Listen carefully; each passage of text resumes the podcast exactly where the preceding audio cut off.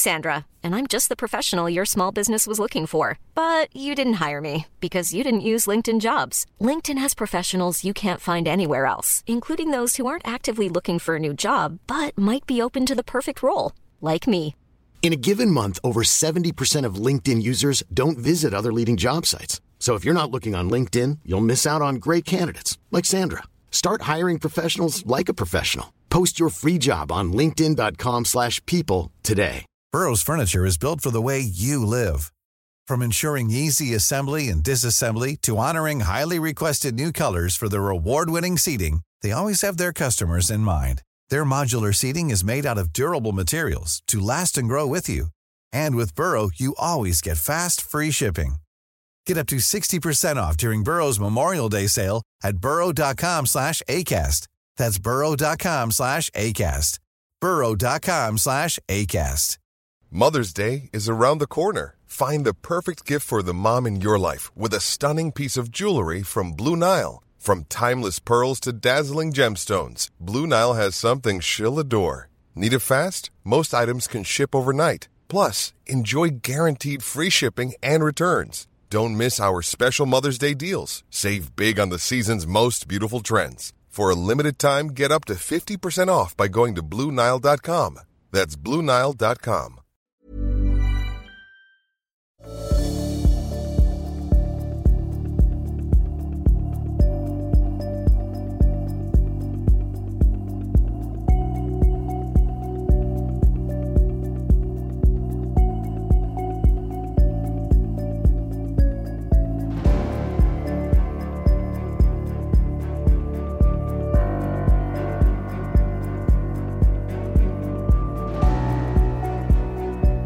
Du lyssnar på podcasten Samtal, en podcast med fokus på fria samtal.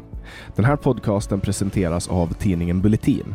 Om du vill få tillgång till samtal sju dagar före alla andra så kan du gå in på www.bulletin.nu och bli prenumerant. Då får du också ta del av hela Bulletins premiumutbud. Kom ihåg att Bulletin också finns som app till både iOS och Android. Länkar hittar du i beskrivningen till det här avsnittet eller på min hemsida www.samtal.ax. Jag släpper nya samtal alla onsdagar året runt och jag tar tacksamt emot tips ifall det finns någon du vill höra i podden. Idén bakom podden är att fokusera på fria samtal. Jag tror att öppenhet är grunden för det demokratiska samtalet och jag vill uppmuntra dig som lyssnar att exponera dig för samtal med någon du inte håller med. Jag heter Jannik Svensson och du lyssnar på podcasten Samtal. Luai Ahmed är 27 år gammal och kom till Sverige när han var 20. Han flydde från Jemen på grund av sin mammas feministiska aktivism. Han är numera författare och jobbar som opinionsbildare och skribent. Välkommen till podcasten Samtal, Loai. Tack så mycket. Eh, vi, vi hann prata lite snabbt före vi, eh, före vi tryckte på record och, och då frågade du om jag var rädd för dig. Och då svarade du ja. ja, jag svarade att jag är rädd för dig för att eh, jag, jag, är, jag är homofob. Och, med mera, med mera. och främlingsfientlig. Eh, nej, men det här med, med att ta samtal som folk upplever är kontroversiella, det är ju det som är hela grundtanken med den här podden. Så jag är jätteglad att, att du är här, för att folk anser ju verkligen att du är radioaktiv. Ja, det, det, alltså det brukar vara så att folk kommer fram till mig på gatan och bara Men du, du skriver jättesjuka saker, du, du hatar invandrare och så. Men sen sitter vi och snackar och då förstår de mig på, på ett djupare plan. Liksom. Men vänta, du, du är faktiskt harmlös, du är trevlig. Det, jag tror att när man skriver, alltså, för liksom vi bor i ett eh, ändå um, polariserat och uh, starkt eh, samhällsklimat. Så det blir lite så som att man upplever att de här orden är väldigt starka och aggressiva, men det är de inte. Alltså det, att skriva någonting som att islam är en dålig religion, det ger inte uttryck eller att, att man hatar människor, utan att det är liksom, man hatar en, en, en religion eller en ideologi, en grupp tankar. Det är samma sak med invandring. Den här debatten om invandring är en belastning och så vidare. Det betyder inte att liksom invandrare, det är ju gränserna, hur mycket människor kommer in. Uh, så, så, så, det är så, liksom, man skriver någonting och uh, folk uppfattar att man är ond på grund av det. Och det är ju helt uh, absurt och befängt. Men det är det som jag försöker att um, eh, jobba bort eller jobba på att, att försöka få människor att inse att äh, åsikter betyder inte våld. Äh, åsikter, alltså vi, eh, jag kom egentligen till Sverige för yttrandefriheten för, för att vi skulle kunna liksom kritisera ideologier, religioner Ähm, äh, och det betyder inte att jag är en ond människa för att jag tycker till exempel att vissa ideologier är dåliga. Mm. Alltså det är lite intressant att, att du nämner just det här med, med åsikter om, om invandring. För om man tar, om man tar då Per Strängberg, mm. eh, han är då han är pressekreterare hos eh, inrikesministern. Och han skriver på Twitter då den, den 8 juli skriver han Socialdemokraterna anser naturligtvis inte att invandring eller invandrare är en belastning för landet. Sådana svepande och destruktiva generaliseringar syftar bara till att placera människor i grupper och grupper mot varandra. Men samtidigt så har Socialdemokraterna skrivit så här från sitt officiella konto, eller inte samtidigt, men i höstas. Den okontrollerade arbetskraftsinvandringen dumpar svenska löner, plundrar vår välfärd, utnyttjar utländsk arbetskraft och bidrar till finansieringen av organiserad brottslighet. Det är ett befängt system som måste göras om i grunden. Hashtag it's okay when we do it. Exakt. Jag ja, men... tänka lite, för, för, att de senaste veckorna så har ju den här debatten rasa, eh, där, där Socialdemokraterna återigen då svingar sina svärd för det här med invandring. Men om, om vi pratar nu ur ditt perspektiv, du är ju invandrare, du kom ju som flykting till Sverige. Du sökte politisk asyl antar jag, eller asyl då för politiska skäl? Ja, eh, jag, jag är politisk flykting. Jag, jag, jag kom 2014, så exakt innan eh, flyktingkrisen. Och jag brukar säga att jag är flyktingkrisen. men eh, det som jag menar är att, att liksom, eh, folk brukar säga, jag, jag, brukar läsa att folk skriver att det här är inte det Sverige som jag kom till på 80-talet. Det här är inte det Sverige som jag kom till på 90-talet. Och många svenskar skriver det här är inte det Sverige som jag Ehm, växt upp i och så vidare. och så vidare. Och jag känner så här, det här är det Sverige som jag kom till 2014. De här problemen, alla liksom gruppvåldtäkter, bombningar, skjutningar, otryggheten. Det är någonting som jag anlänt till. Det är inte som att liksom, de här problematiken kom med mig. De har redan funnits. Och det är inte liksom vi som kom efter 2015 som, som står bakom alla de här eh, sakerna. Men eh, jag, jag anser också att, du vet i eh, det, det moderna eh, tankesättet så säger man liksom att vita, man skuldbelägger vita för det som andra vita gjorde eh, i USA eh, för 100-200 år sedan. Och då brukar jag liksom, varför, varför ska jag alltså ta ansvar för vad andra invandrare gör, vad andra invandrare gjorde.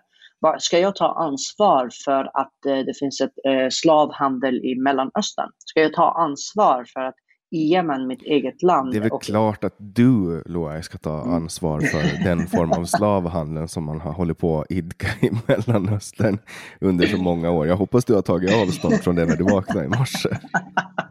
det gör jag varje dag. Alltså det är det enda jag bara sitter och tänker konstant på min brun guilt, brown guilt liksom. Att, uh, alltså, men, men seriöst, det är inte bara slavhandeln som sker i Mauritanien och andra, andra länder i Mellanöstern. Alltså vi har liksom ett, ehm, eh, jag brukar säga att det är fortfarande medeltiden i Jemen och Saudiarabien. Och, alltså till och med Saudiarabien och Oman och Qatar, länder som är betydligt rikare än Sverige.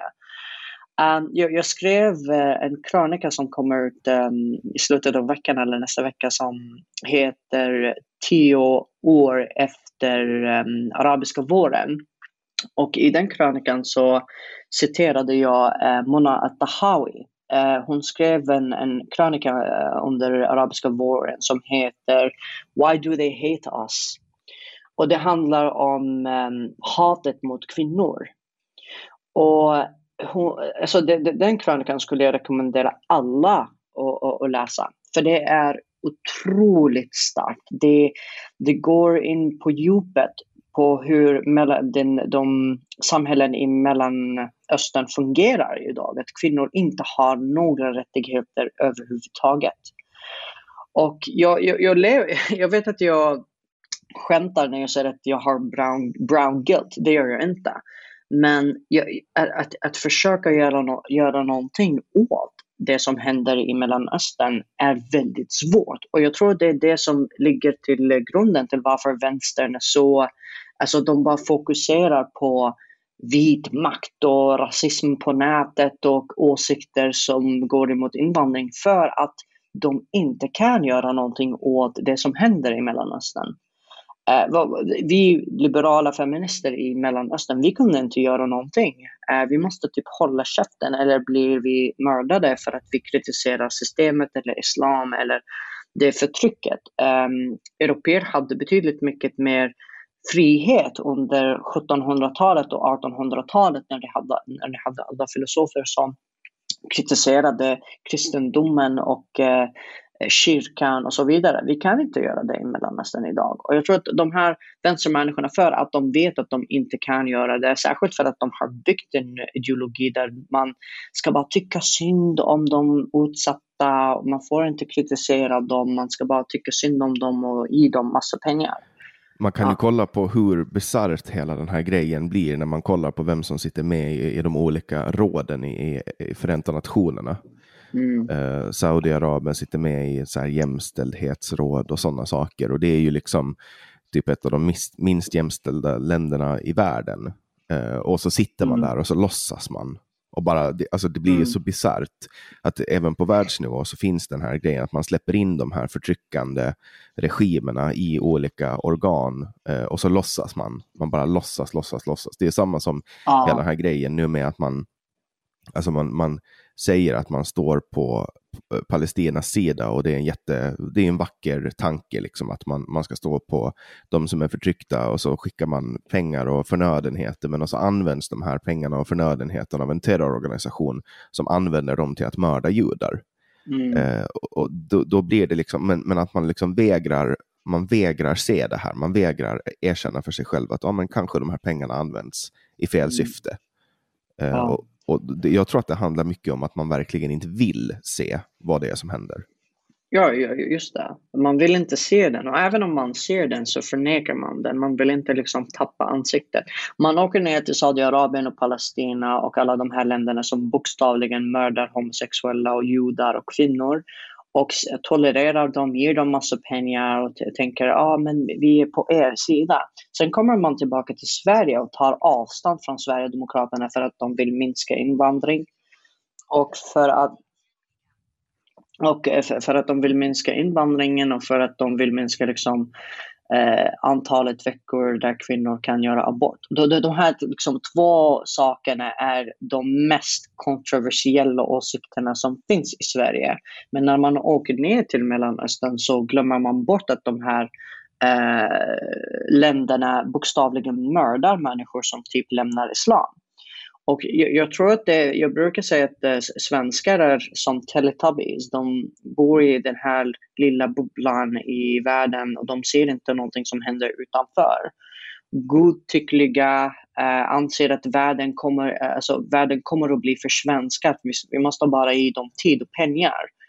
Um, men sen ser man på Saudiarabien och länder som är eh, Kuwait som är rikare än Sverige och där har de inte kommit ikapp i just jämställdhetsfrågan. Och eh, jag, jag, jag, ställde den här frågan till eh, Gudrun Schyman i, i, i Sverige möts. Eh, jag sa till henne, du bara skyller allting på ekonomin och socio, socioekonomiska frågor. Men vad, vad sägs om Saudiarabien? Vad sägs om Kuwait, Qatar? De här länderna är rikare än Sverige och de mördar människor som har um, homosexuella, de mördar ateister och folk som är. Och hon kan inte svara på den här frågan. Och jag tror inte att det finns någon i Sverige som kan svara på den här frågan, för där kommer det här syntax error. Liksom, eh, det, det, blir en sån här kognitiv dissonans där ens världsbild skakas av den här eh, tanken att det finns länder som är faktiskt ekonomiskt stabila. Men ändå så har människorna som bor där otroligt kvinnofientliga, homofobiska, um, antisemitiska värderingar som inte går att jobba bort. Uh, så för, för, att man inte kan göra någonting åt det så går man till liksom de the, the simple fights. Eh, vit makt. Var, varför får inte Mohammed och Ahmed Eh, varför blir de inte anställda i samma utsträckning som vita män som heter Svensson och eh, Eriksson? Liksom? Det, det, det, är de här som är liksom the easy fights som man eh, tar hellre än att, att, att faktiskt göra någonting åt de stora problemen som finns i världen. Så det är bedrövligt. Och jag, jag, jag menar så här, att jag, tror att liksom mina åsikter kan framstå som eh, ganska kontroversiella i, i Sverige för att svenskarna inte är vana vid kritik utav den muslimska kulturen och den invandrarkulturen som kommer till Sverige. Eh, men, men går man tillbaka i tiden så var svenskar, alltså, svenskarna är väldigt um, anti-religion de skiter i religion, de är apatistiska, de tycker att religion är dumt och att man ska bli progressiv och tänka på livet istället för att hallucinera om några gudar som finns där uppe och bestämmer över saker, saker och ting. Men, men sen när det kommer eh, den här, jag tror mycket av det har också med det, Eh, att, att man är rädd, man kan inte skilja mellan islam och eh, etnicitet. Man tror att liksom muslimer är en etnisk grupp, en ras det vill säga. Och jag som heter Loa Ahmed som växte upp i, genom islam. Alltså, det är till och med många av mina följare och eh, människor som till och med gillar mig. De säger, men titta på Loa Ahmed, han är muslim och han kritiserar islam. För att de har svårt att skilja mellan religion och människor. De tror att religion är en etnicitet och det är en farlig tanke. Uh, för att religion är bara en grupp idéer och de ska kunna kritiseras. Um, jag vet inte hur du ser på det, men när um, Richard Jomshof sa att islam är en avskyvärd religion. Det är ju inte, alla... samma sak, det är inte samma sak som att säga att alla som, alla som tillber Allah eller alla som är muslimer är avskyvärda. Exakt, det är lite som att säga, det som han sa var precis som att säga kommunism är avskyvärd. Men alla i princip hörde att han sa att alla kommunister är avskyvärda. Det, det, det, det är lite så. Uh, och för mig är religion exakt som politiska ideologier. Uh, de, de, har mer av en spirituell känsla och, och så vidare men de är fortfarande uh, grupp, grupper av idéer som är lite olika. Så att islam i Jemen är en, en, mer, en mer konservativ och restriktiv eh, typ. Den i Saudiarabien är samma sak och i Somalia. Men till exempel islam i Albanien eller i Turkiet är lite liberalare. Eh, men i grunden när man läser texterna i själva religionen så är den en superkonservativ och uh, sträng eh, religion. Och jag, många av mina vänner är ju muslimer. Min mamma är muslim. Eh, min, min, en av mina närmaste vänner är islamist och han då säger att han eh, skulle rösta på sharia-lagstiftning. Och då säger jag till honom, men du vet, det här skulle betyda att jag skulle bli mördad. Då säger han nej, det här betyder att du skulle bara gå tillbaka eh, eller eh, leva i garderoben. Eh, för att det är osunt att säga att jag är bög eller och så vidare. Eh, men den här vännen som jag har, han, alltså jag älskar honom med hela mitt hjärta. Eh, jag skulle ta ett skott för honom. Och det, det, betyder inte att jag avskyr honom när jag ser att religionen som, eh, som han stöttar och ideologin som han stöttar är ond. Och det, ehm, man, ser också debatten, i Sverige blir det mer politik än religion så att de behandlar Sverigedemokraterna som en religion då. Att, att eh, om du tillhör den religionen, om du delar åsikterna med dem, då, då är du en ond människa och vi hatar dig. Eh, du, du, har sett den debatten om den eh, socialdemokratiska ungdomsförbundare som Eh, ölade med en sverigedemokrat. det är så sjukt. Ja. Han drack en öl med någon från Sverigedemokraterna och nu ska han liksom, nu ska han bort. Nu är han, nu är han farligt gods. Ja, man, man, har, man har gärna den här tanken, det här sättet att tänka att liksom alla Sverigedemokraterna, om det, så det är superkollektivistiskt. Och man har det också om islam, att alla muslimer är islam. så man kan inte skilja att muslimer är inte islam och att Sverigedemokrater är inte um, Sverigedemokrater är inte själva partiet. Alltså, vi ser uh, Eh, Richard Jomshof blev mobbad av eh, alternativ höger när han kom ut i eh, Navid Modiris podcast och sa att han är extremt liberal. Mm. Och det, det är också, man, man, har svårt att se att liksom någon som förespråkar eh, minskad invandring eller stängda gränser, de kan inte vara liberaler. De kan inte vara för liksom, progressiv, eh, att vara progressiv och att eh, ja, alltså, själva tanken att ha öppna gränser är ju en, en liberal tanke. Mm. Men... Och det är där syntax-errorn kommer, för att, alltså, för att folk pratar om att, att ja, man är liberal om man har öppna gränser. Men mm. inom ramen för ett välfärdssamhälle så fungerar det inte med öppna gränser och det förstår alla. Uh, det där, det där, det är så, det, man kan ju liksom dra ner det och simplifiera det till att uh, jag ska ha en fest och jag har mm. mat för tio personer och sen helt plötsligt kommer det hundra personer, då förstår alla att det kommer, det kommer att bli svårt att få maten att räcka. Eh, och så vidare. Och, och, det är ju så man, man pratar om välfärdssystem, helt enkelt. Mm.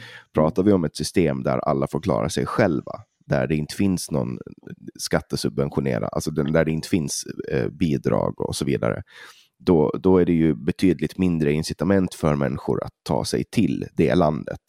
Och det är ju där man pratar om ultraliberalism. Att eh, då är man för öppna gränser, men då är man också för ett, ett välfärdssystem som inte existerar. Ja, två aspekter som man glömmer bort är ju konsekvensanalys och hållbarhet. Alltså vill du att du ska liksom hjälpa människor, då måste du se till att du faktiskt gör det. Och det gör man inte i Sverige.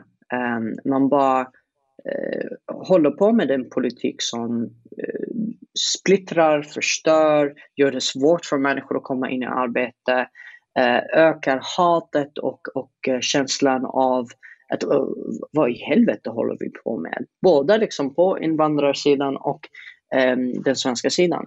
Men jag skulle säga den, den viktigaste grejen för mig är ju yttrandefriheten. Det är ju det som jag sa innan, att det är det som jag kom till Sverige för. Jag kom hit för att kunna uttrycka mina åsikter. Men jag blir också provocerad av att jag, um, alltså för att jag kan säga ja men jag är ju homosexuell, jag är ju ateist, jag flydde från den kulturen, så blir jag inte uh, rasiststämplad i, i samma utsträckning som en svensk som gör det. Och det är för att man kör på den här grejen att liksom, är du, och det är också i USA men även i Sverige, liksom, är du en vit man, alltså när jag pluggade International Migration and Ethnic Relations på Malmö universitet. Då eh, det fanns elever där som skulle börja sina meningar så här.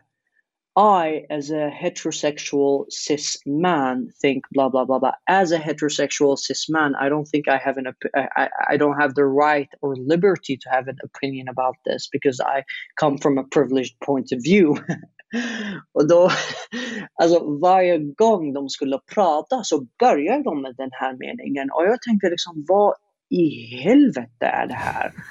Alltså, vad, eh, alltså det, det, är så sjukt att, att jag, och då började jag liksom göra narr av det. Så jag skulle säga i as a brown unprivileged man, homosexual man, I think bla bla. Och sen ska jag säga varför ska ni alltid börja med det här liksom? Det, ni har sagt det en gång, varför ska ni fortsätta och bara spela det kortet? Alltså de kan ju lägga till det på sin, alltså du vet som på under namnskylten så kan man ju lägga till vad man har för, för etnisk bakgrund och för sexualitet och för religion också.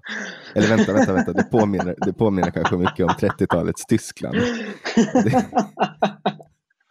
ja, alltså det, det är absurt och jag, jag, tror, jag tror att det, det är ju Alltså, jag, jag ser inte den här debatten om att liksom man ska... Alltså, själv, mångfald är bra. Mångfald är ju... Det, det är viktigt med mångfald faktiskt. Men man ska inte ta en sån här mångfald där man förtrycker andra människor bara för att ha mångfald. Det, det är det första. Och för det andra, om vi ska ha mångfald så är det otroligt viktigt att man, och det är det viktigaste med mångfald, är mångfald av åsikter. Alltså, vi kan inte bara ha en åsikt och då, då ska alla följa det, annars blir man fascist och rasist och nazist. Utan vi måste liksom se till att andra människors åsikter kommer fram. Och man, man kritiserar just åsikterna och inte människorna. Och jag, jag tror att samma problematiken finns i i eh, regressiva länder i, mellan, i Mellanöstern. Att, eh, man vill inte ha mångfald av, av, eh, utav åsikter där heller.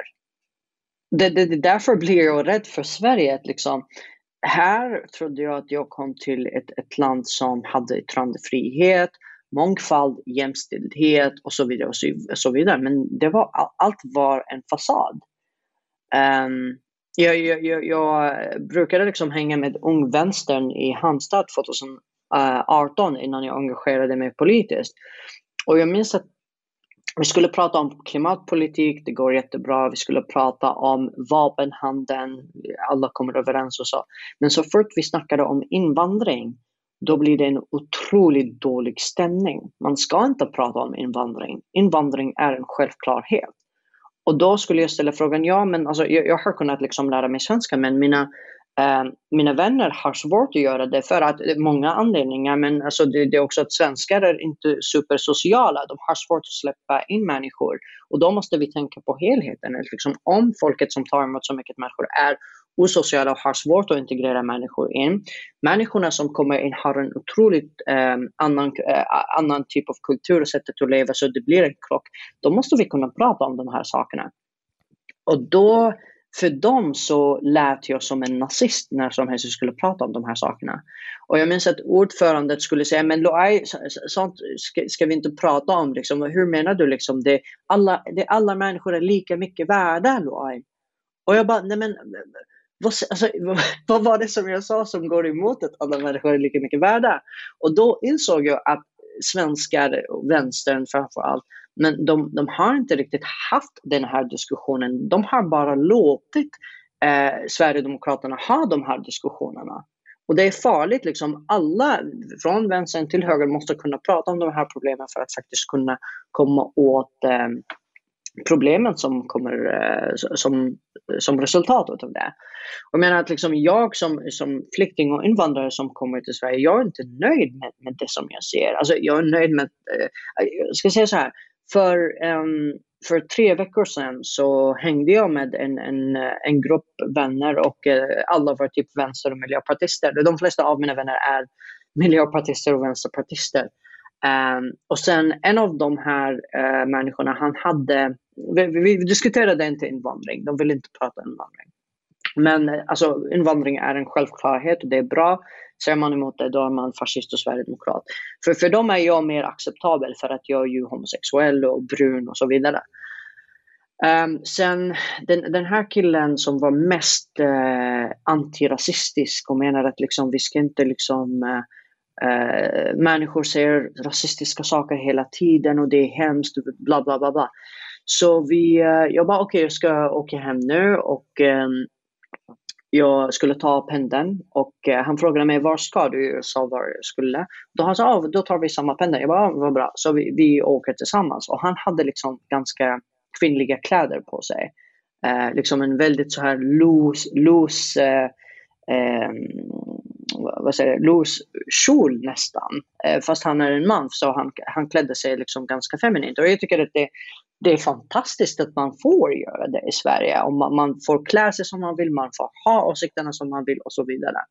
Så går vi på pendeln och sen eh, vi sitter där, vi går in, sitter på tåget och plötsligt killen som satt framför honom, eh, han började stirra på honom, bete, bete sig otroligt aggressivt. Han spottade sin snus på min kompis. Jag, jag, jag var lite berusad så jag var bara chock, chockerad. Jag bara satt där och bara what the och sen eh, min kompis bara stod upp och han bara kan vi lämna? Jag känner mig obekväm. Jag bara ja ja. Och sen när, när vi skulle lämna den killen som satt där han bara ja bra, bra att ni lämnar. Så gick vi iväg och jag var helt chockerad. Nästa dag så ringer jag den här vännen då var jag tvungen att lämna tåget för att eh, min station kom där. Och jag ringde honom och jag bara, men eh, du, eh, kommer vi inte polisanmäla det här? För allt liksom är inspelat i tåget. Han bara, nej, nej, det är ju det, det är oviktigt. Och jag bara, hur menar du det är oviktigt? Och, jag konfronterade honom bara liksom att för att den här killen är en Hade det varit en svensk, hade du, inte, hade du liksom släppt det? Och han bara, nej jag, jag, jag gillar inte bara konflikter, då går det inte att ändra på de här människorna. Och jag sa, nej, nej, nej, nej, det här är liksom ett resultat av den politiken som du förespråkar. den här är importerad homofobi. Det är inte bara homofobi som har importerats. Och du måste göra någonting åt det. Och han, han bara, ja men vad ska man göra? Ska man polisanmäla? Jag bara, ja vi polisanmäler. Han bara, nej vi gör det imorgon. Jag sa till honom, vi måste göra det idag för att de spelar in um, på tåget under bara 24 timmar. Om du inte eh, polisanmäler då får de inte liksom tag på de här inspelningarna så att de ser att den här människan har spottat på dig. Och han bara, ja, då sa jag till honom, okej, okay, jag, jag, kommer att göra det. Jag kommer att polisanmäla honom. Han bara, okej, okay, fine, do it. Och då ringde jag polisen och jag polisanmälde det. Och för mig är den där händelsen, det, det, det, det säger ganska mycket om Sverige och det säger ganska mycket om hur jag känner kring vänstern och homosexuella och kvinnor i Sverige. Att när, en sån här grej händer, att de möter den verkligheten som de importerat, så blir de tysta, de vill inte konfrontera det, de vill inte bli rasistanklagade och då låter de liksom verkligheten bara rulla på. Medan jag som är ond och citattecken rasist och fascist och nazist, jag säger emot, jag polisanmäler, jag säger det här är hemskt, det här är importerat och det här måste vi göra någonting åt.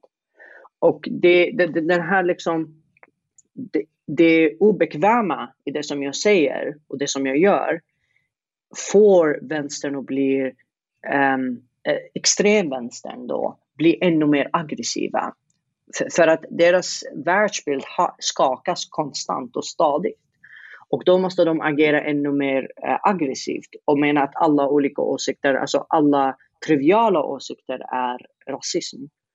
Um, för mig, för mig är det fruktansvärt att man, att man kan säga någonting och bli kallad för rasist. För bara, och det är verkligheten. Man, man ser i princip att verkligheten är rasistisk. Och det, det är fruktansvärt, särskilt för mig som är liksom eh, homosexuell och jag, jag, jag, jag lever i den verkligheten där jag som homosexuell inte kan existera i mitt eget land på grund av religionen och kulturen. Och då måste jag säger någonting uh, om det. Men uh, ja.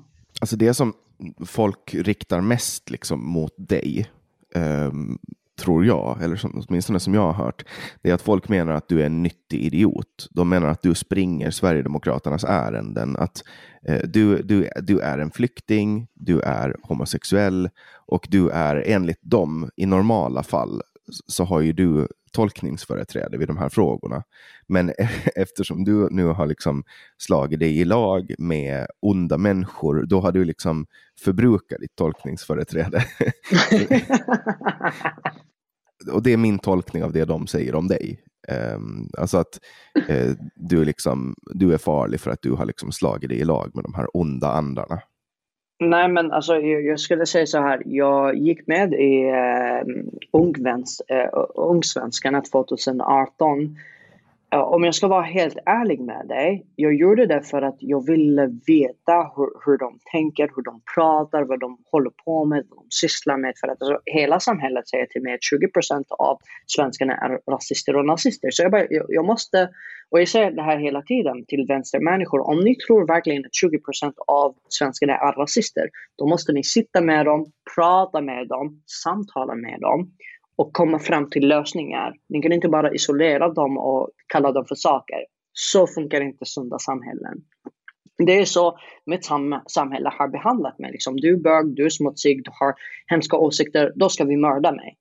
Uh, de, så jemeniterna uteslöt inte människor som ölade med mig, de dödade mig. Så det är lite extremare. Men eh, så jag gick eh, till Ungsvenskarna och började umgås med dem för att veta hur de var som människor. Och jag ska säga så här, då, Ungsvenskan som jag umgicks med i, i Malmö är de trevligaste människorna som jag någonsin träffat i hela mitt liv. Alltså, min första pojkvän var sverigedemokrat och jag visste inte ens att han var sverigedemokrat. Han, han var tvungen att komma ut till mig efter ett tag. Han var livrädd att jag skulle tro att han var rasist på grund av det. Um, och då menar jag liksom att vi måste ha ett gemenskap, eh, eh, eh, ett samhälle som bygger på dialog, diskussioner där vi pratar med varandra och så vidare. Och sen när jag upptäckte att liksom Sverigedemokraterna inte var rasister, de, de flesta Sverigedemokraterna som jag har träffat, umgåtts med, har behandlat mig som en människa, alltså likvärdig som alla andra. Jag har aldrig fått den här vibben att de ser ner på mig, utan att jag faktiskt är en del av gemenskapen. Och, eh, då, och jag blir behandlad av vänstern som att, alltså, men, ja men du är ju, du, som du säger, de säger att jag är en nyttig idiot. Så Sverigedemokraterna som jag har umgåtts med har aldrig um, lyft mig eller sagt att oh, men du är invandrare och du, därför är, men du står för liksom, nationalistiska idéer, därför är du bra. Mina, mina svenska vänner säger inte så mot mig, utan att de säger typ så här.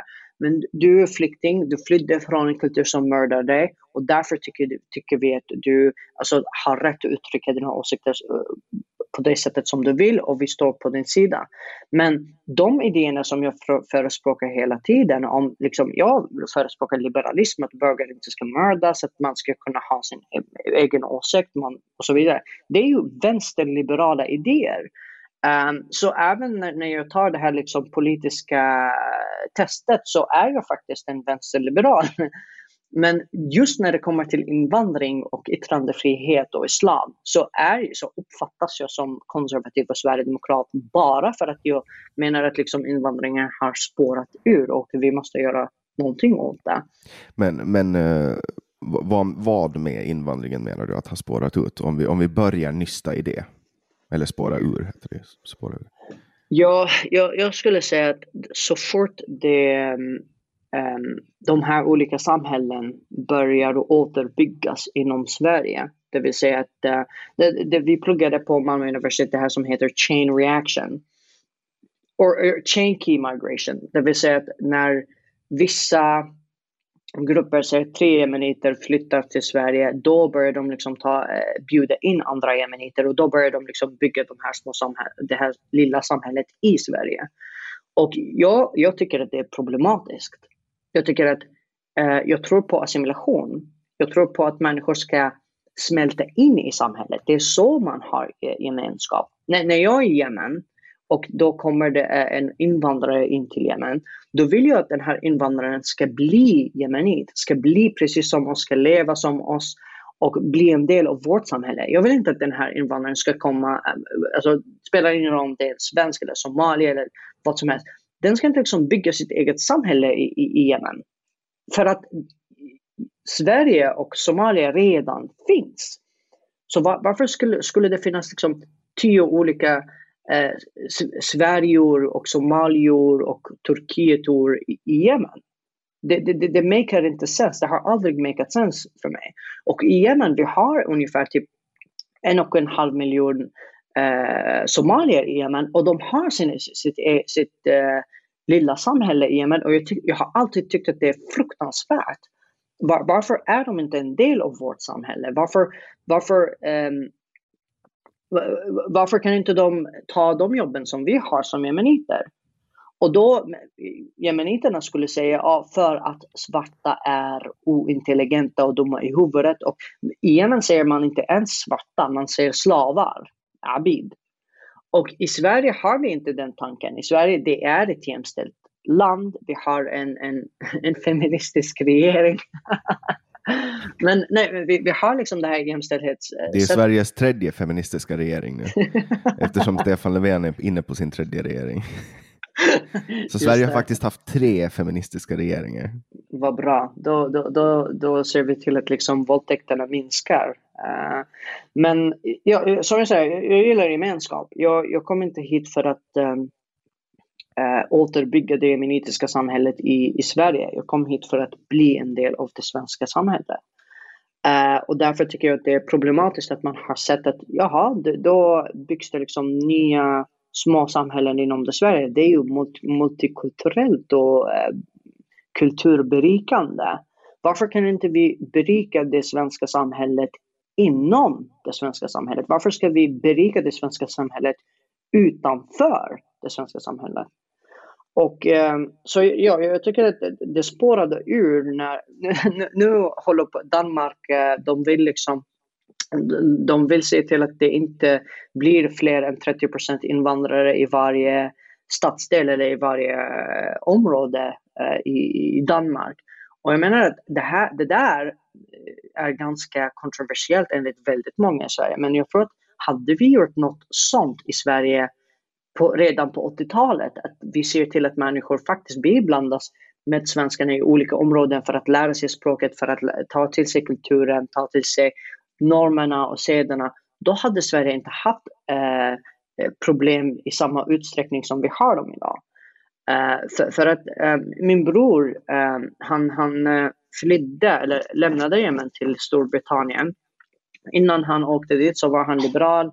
Han krökte, han drack alkohol, han rökte på marijuana, gjorde kokain.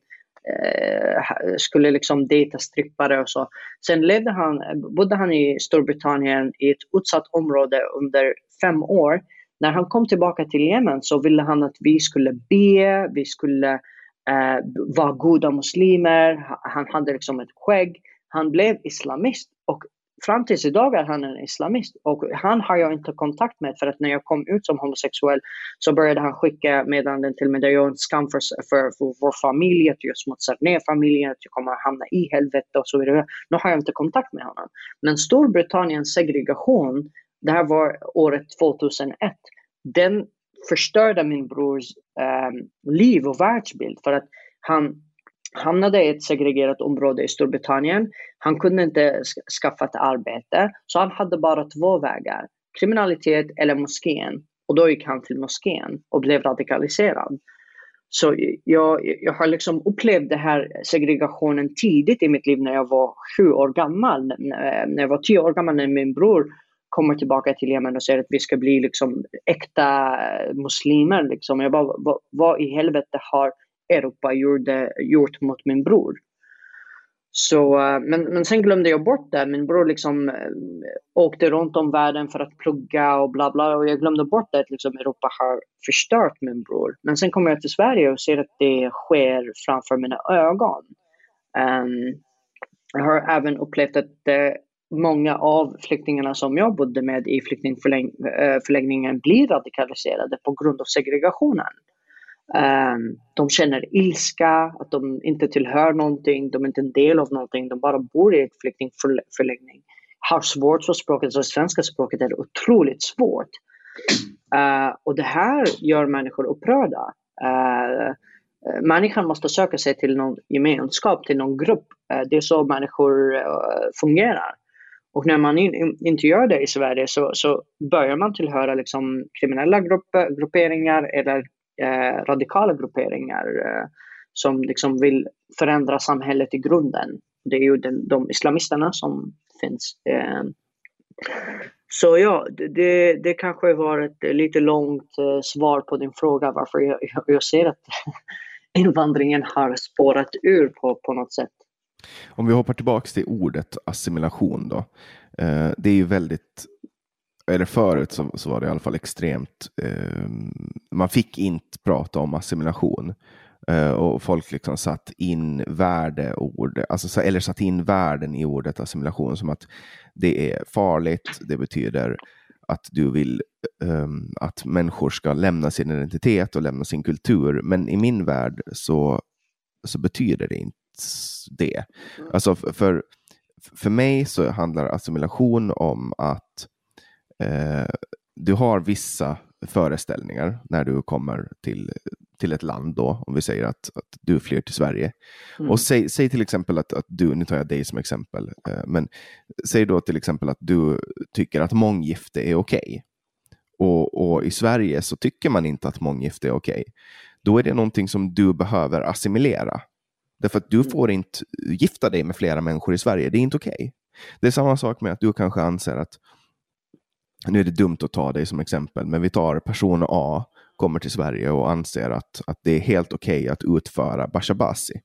Det vill säga den här afghanska traditionen av att man har en, en liten pojke som, som T-pojke kallas det och, och, använder den personen som dansare och, och, utsätter den för sexuella övergrepp och använder den också då som en statussymbol för att visa att man har pengar och makt. Eh, och och att komma till Sverige då, person A, och ut, alltså ha Bashabasi, ha en, en, liksom ett barn som slav och, och utnyttja det barnet sexuellt. Det, det, får man inte göra. Det måste assimileras. Och det är väldigt enkelt i min värld. De mm. sakerna som inte är acceptabla så assimileras. Sen är det ju helt okej, okay, även om man är assimilerad, att tro på Allah, att läsa Koranen, att gå till moskén. Assimilation handlar ju inte om att liksom gnugga bort någons tro och få den att gå i kyrkan och, och liksom så, utan det mm. handlar om att se till att man funkar i det samhälle man kommer till. Och det finns vissa oönskade inslag i alla kulturer. Så är det också i Sverige så finns det oönskade inslag i kultur. Till exempel att svenskar är så fruktansvärt konflikträdda. Jag kan som, som ålänning och från Finland se att det är jävligt onödigt att, hålla på och vara så konflikträdda för att man, man skapar bara mera konflikt. Och det är ett oönskat kulturellt inslag och det är inget fult att säga det. Nej. Det tycker jag i alla fall. Eh, och, och, men, men att assimilera, det handlar ju om att assimilera bort vissa delar som är oacceptabla. På samma sätt som att om, om du flyttar till, till Mellanöstern, du får inte gå runt eh, och vara homosexuell där öppet. Då måste du assimilera bort det för din egen skull. Alltså det är ju det bästa du kan göra, annars kommer du att bli ihjälslagen. Mm. Eh, och det är det man pratar om när man pratar om assimilering. Men inför förra valet så gjordes något försök att få assimilering till att vara lika med nazism. Att så fort man pratar om assimilering så, så var man nazist. Ja, för, för att när man tittar på historien och det, det de brukar syfta på att liksom man tvingade människor till ehm, assimilation. De som vägrade att assimilera sig blev typ steriliserade. Och um, alltså, jag ser assimilation istället för integration för att eh, som Mustafa Panshiri har sagt att liksom svenskar säger att de vill integrera människor men egentligen menar de att de vill assimilera människor. För de gillar lika, inte olika. Och um, jag håller med dig där att liksom assimilation innebär att man ska bara bli en del av eh, samhället och anpassa sig. Så Jemen, alltså eh, över 50 procent av jemenitiska flickor eh, blir bortgifta innan de fyller 14 år. Min mamma blev bortgift när hon var 8 år gammal. Skulle jag komma till Sverige och vägra assimilation och säga nej, men min kultur är bra. Ehm, det är en mångkultur. Där, där, därför måste ni acceptera min kultur då innebär det att ni måste acceptera att jag gifter mig med ett barn då. Alltså vi har, och, I Sverige så finns, fanns det ju en broschyr, information till dig som är gift med ett barn. Ja. Det är fruktansvärt, och, men man skrattar åt det för att det är så jävla bisarrt. Ja, och uh, det, det, är bisarrt, men uh, Anger Forner har sagt att uh, Sverige är lite som ett South Park avsnitt, och det är ju det. Um, att, att, att, det är många skämt som faktiskt blir verkligheten. Och det, ehm, jag, jag, jag, skrev en gång, alltså jag, jag, slutade skämta på sociala medier. Jag brukade skämta ganska mycket. Men jag insåg just det här med, du ser, det är inte bara konflikträdslan, men jantelagen, att skämta. Folk förstår inte skämt på samma sätt som man gör i andra delar i världen. Så en gång skrev jag typ så här, eh, jag brukade skriva liksom väldigt löjliga ehm, skämtsamma inlägg. Så jag skrev typ så här, hej allihopa. Um, jag ska, vilken, vilket fint väder idag. Jag tänker, jag, jag tänker gå till eh, min granne och fråga henne om jag får gifta mig med hennes um, uh, lilla dotter. Det är typ så här, det är typ eh, det är bra med min kultur, med, med olika kulturer och jag älskar att ni accepterar olika kulturer. Jag uppskattar det verkligen. Liksom det var, det var en, ett sarkastiskt inlägg så, eh, som kritik utav eh, mångkultur och den här liksom aggressiva toleransen mot eh, olika kulturer oavsett vad de innebär. Och då var det liksom otroligt många som var förbannade på mig. Bara, vad i helvete skriver du för någonting? Det här är avskyvärd, fy på dig. Och eh, vissa, även när jag skulle förklara, men du, det var faktiskt ett skämt. Och då skrev jag nej ändå, det är fruktansvärt ändå. Och det, det var liksom under perioden, jag skulle säga till och med eh, förra året brukade jag liksom skämta på sociala medier men jag slutade göra det totalt och nu är det bara liksom allt som jag ska skriva ska vara typ 98% seriöst och inte går över gränsen på något sätt för att människor har svårt för för um, humor. Men, men liksom humor är det bästa som vi har i världen. Det är liksom att kunna att skratta åt det hemska är en fröjd. Det är typ som uh, rehabilitation. Ja, det är ett sätt att hantera svåra saker. Som, som människa, alltså det är en inbyggd psykologisk mekanism. Sånt som är svårt eh, så, så skämtar vi om. Det är därför vi är så morbida när vi skämtar om, alltså ja. håller på skämtar om döden och sånt. Ja, och det, det, det, tycker, det tycker jag är viktigt. Men det är fruktansvärt att som opinionsbildare och som eh, Eh, skribent så eh, har jag liksom tappat lusten att skämta. För att det, eh, det är ett ganska segregerat samhälle där skämt kan eh, skada människors känslor och människor som blir ehm, superkänsliga kan inte hantera, hantera andra människors åsikter. Um, och det är det, det, det, är det som jag önskar att jag kunde komma till ett Sverige där man får skämta, skämta om allt möjligt. Att man får uttrycka sin åsikt, man får eh, leva fritt. Alltså jag slutade, jag, jag, jag kom inte till Sverige och kom ut ur garderoben men sen kom jag tillbaka in i garderoben. Eh, jag kan inte liksom vara mig själv eh, när jag inte är hos mina vänner och i mina vänners hem för att utanför Sverige så är det inte Sverige längre. Eh, det är ju ett mångkulturellt projekt där eh, mitt folk, människor, människor från Mellanöstern och så vidare kommer till Sverige och blir en del av landet men inte samhället. Och då är jag tillbaka i garderoben. Och eh, jag menar att liksom vi, måste, vi måste se till att det inte fortsätter på det sättet för att um, det, det, blir bara värre då. Och eh, man, man, man, ska kunna skämta om saker och ting för som sagt humor är väldigt viktigt. Ehm, eh, men uh, som jag sa tidigare, att liksom, folk säger att de vill ha integration men de vill ha assimilation istället. Och för att kunna ge människor förutsättningarna och möjligheten att assimileras, lära sig flytande, jag pratar inte flytande svenska, men det är typ mitt eh, största mål. Jag försöker att lära mig svenska varje dag, jag läser mycket, jag lär mig nya ord. Jag försöker att betona rätt, eh, för att det är språket som är den största och mest bärande delen av kulturen. Utan språket så kan man, människor inte kommunicera med varandra och eh, bära den svenska kulturen. Så språket är det viktigaste. Um, det, jag, jag avskyr ehm, um, jantelagen. Och jag tror att det, det, det, är en av de positiva sakerna som händer med uh, invandringen är att jantelagen håller på att uh, försvinna. Uh, för att människor måste nu tänka och agera på ett helt annat sätt än de gjorde för typ 20-30 år sedan. Och det, det kan man säga är en positiv, positiv utveckling med invandringen. Då. Mm. Jag tycker ändå att du har gjort ett ganska bra jobb med att lära dig svenska. Det finns folk som har levt eh, betydligt mycket längre i Sverige eh, och, och inte kan svenska alls egentligen. Ja, det, det, det är sant, men det är för att de inte vill det. Alltså jag, jag ville det och jag vill det för att jag vill som sagt tillhöra det svenska samhället. Jag vill bli en del av samhället. Om man kan, om man kan sitta liksom vid ett bord och inte fatta vad folk säger, tillhör man samhället då? Man blir bara ut, utanför. Jag har aldrig velat vara utanför. Men sen skulle jag säga att liksom första året när jag var i Sverige så bodde jag i ett flyktingförläggning jag var inte på SFI och väntade på beslutet så jag började lära mig svenska ett år efter jag kom hit. Och under det året där jag inte kunde svenska och även åren där jag började lära mig svenska så upptäckte jag varför segregationen är så pass stark. För att när man inte kan svenska så upplever man Sverige som ett otroligt hemskt och kallt land. Um, för, för, för att uh, i Yemen så pratar människor med varandra på gatan, folk är väldigt varma och öppna med varandra.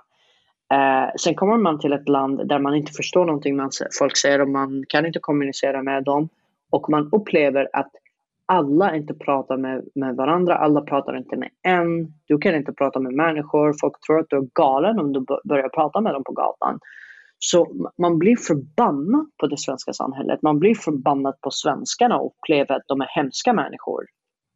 Och, eh, och det, det upplevde jag liksom att jag måste snabba på med att lära mig svenska för att faktiskt förstå det här samhället. Och när jag lärde mig svenska och jag kunde svenska, då var Sverige ett helt annat land. Um, jag skulle säga även med humor, uh, svenska skämt. Alltså jag älskar svensk komedi. Uh, innan, alltså, första åren när jag lärde mig svenska, jag kunde inte förstå svensk komedi och det svenska sättet. Det är liksom den här dry humor som man har i Storbritannien. Sverige har sin egen typ av dry humor. Och uh, jag skulle säga att jag hade en rolig kompis, en väninna. Eh, när, I början skulle vi prata engelska med varandra och hon var tråkig. Och när jag lärde mig svenska så, så var hennes, jag kunde inte förstå hennes skämt. Men sen när jag träffade henne tre år efter jag lärde mig svenska och jag kunde bättre svenska, jag kunde inte sluta skratta åt hennes skämt. Allt som hon sa var så fruktansvärt roligt. Och eh, det tog liksom en hel tid för mig att faktiskt eh, anstränga mig för att bli en del av, av det svenska samhället. Och man möter mycket, eh, jag skulle inte säga rasism, men elakhet along the line. Eh, människor som Uh, typ när jag uh, på mitt första arbete, min chef, eller inte min chef, eh, en arbetsledare, han, för att min svenska var så outvecklad så ville han inte snacka med mig alls. Liksom. Och uh, mina andra, andra arbetskollegor älskade mig och ville snacka med mig hela tiden. Men just att min arbetsledare inte vill prata med mig för, bara för att jag inte kunde bra svenska, den skadade mig. Den fick mig att känna mig liksom, vad i helvete, vad, vad är det här liksom? Varför är han så ond? Och jag minns att under den tiden så misstänkte jag att han var rasist på grund av det. Idag skulle jag inte kalla honom för rasist för att jag, eh, min, min syn på ordet rasist har för, för, förändrats, förändrats ganska mycket under åren. Särskilt för att jag blir kallad rasist hela jäkla tiden för att jag kritiserar islam och massinvandringen. Men språket är viktigt. Det är den viktigaste delen av kulturen.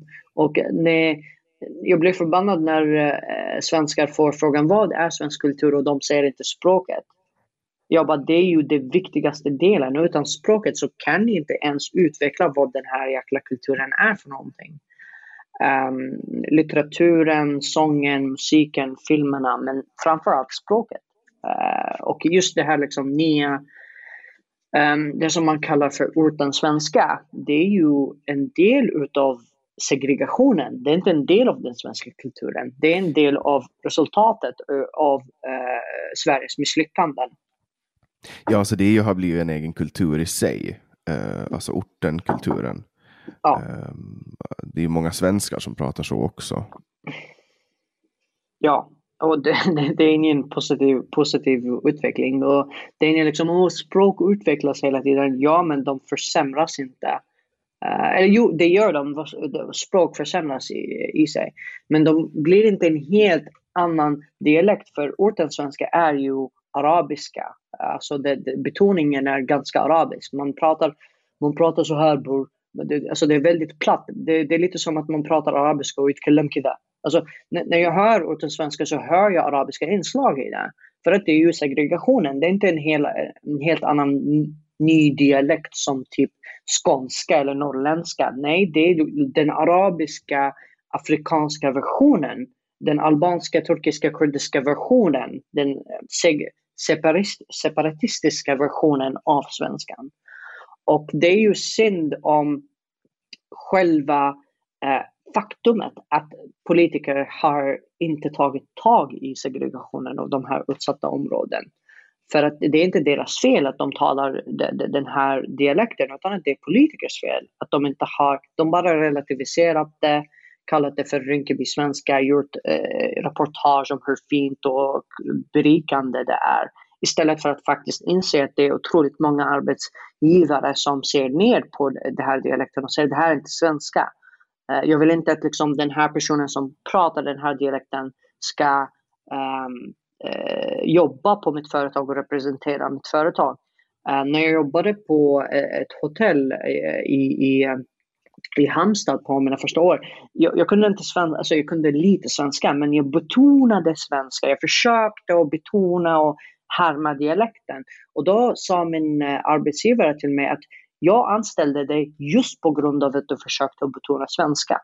Alltså, jag, jag hade inte anställt någon som är född i Sverige som kan, eh, som har mycket bättre eh, vokab, vokabulär, vokabulär, ord, eh, ordförråd, vokabulär.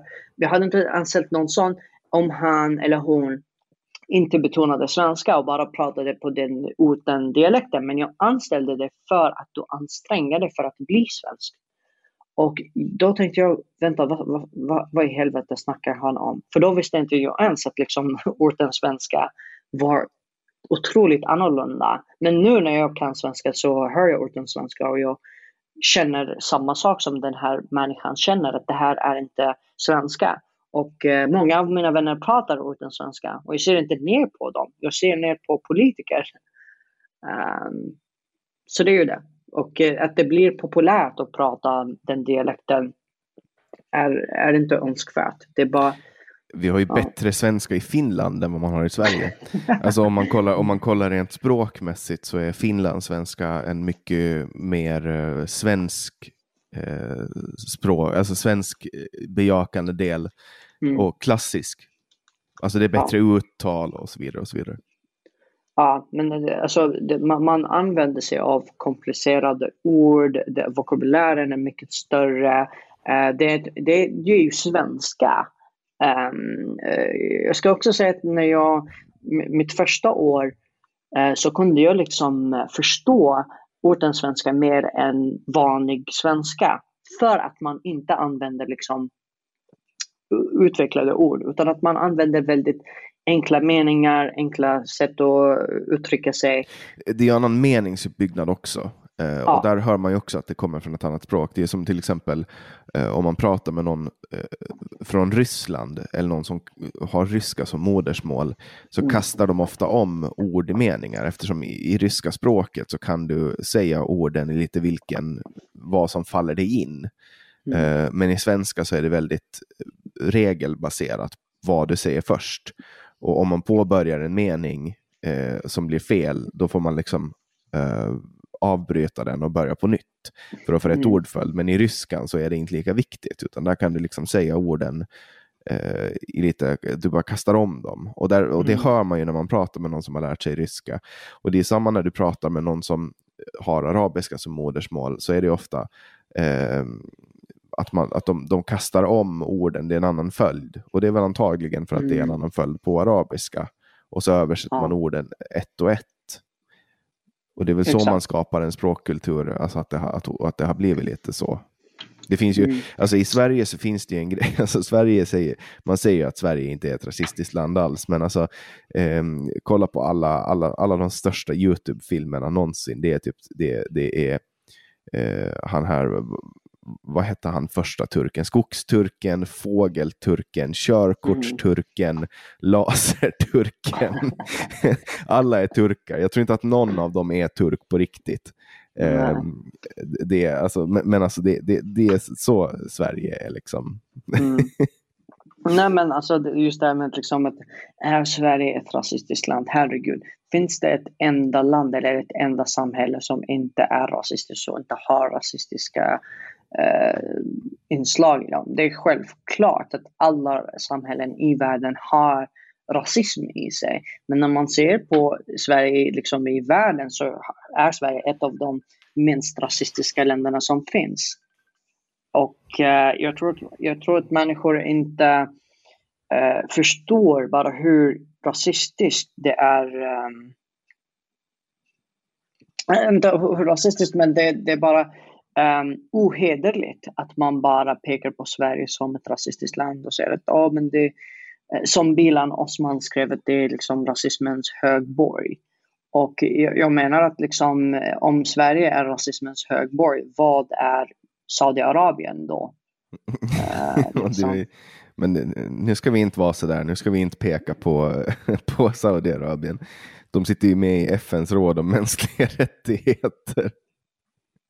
Mm. Det är så roligt. Eller det är ju inte roligt, det är bisarrt. Alltså, det är precis, vi kommer tillbaka till det här att man, man skrattar åt saker som är hemska.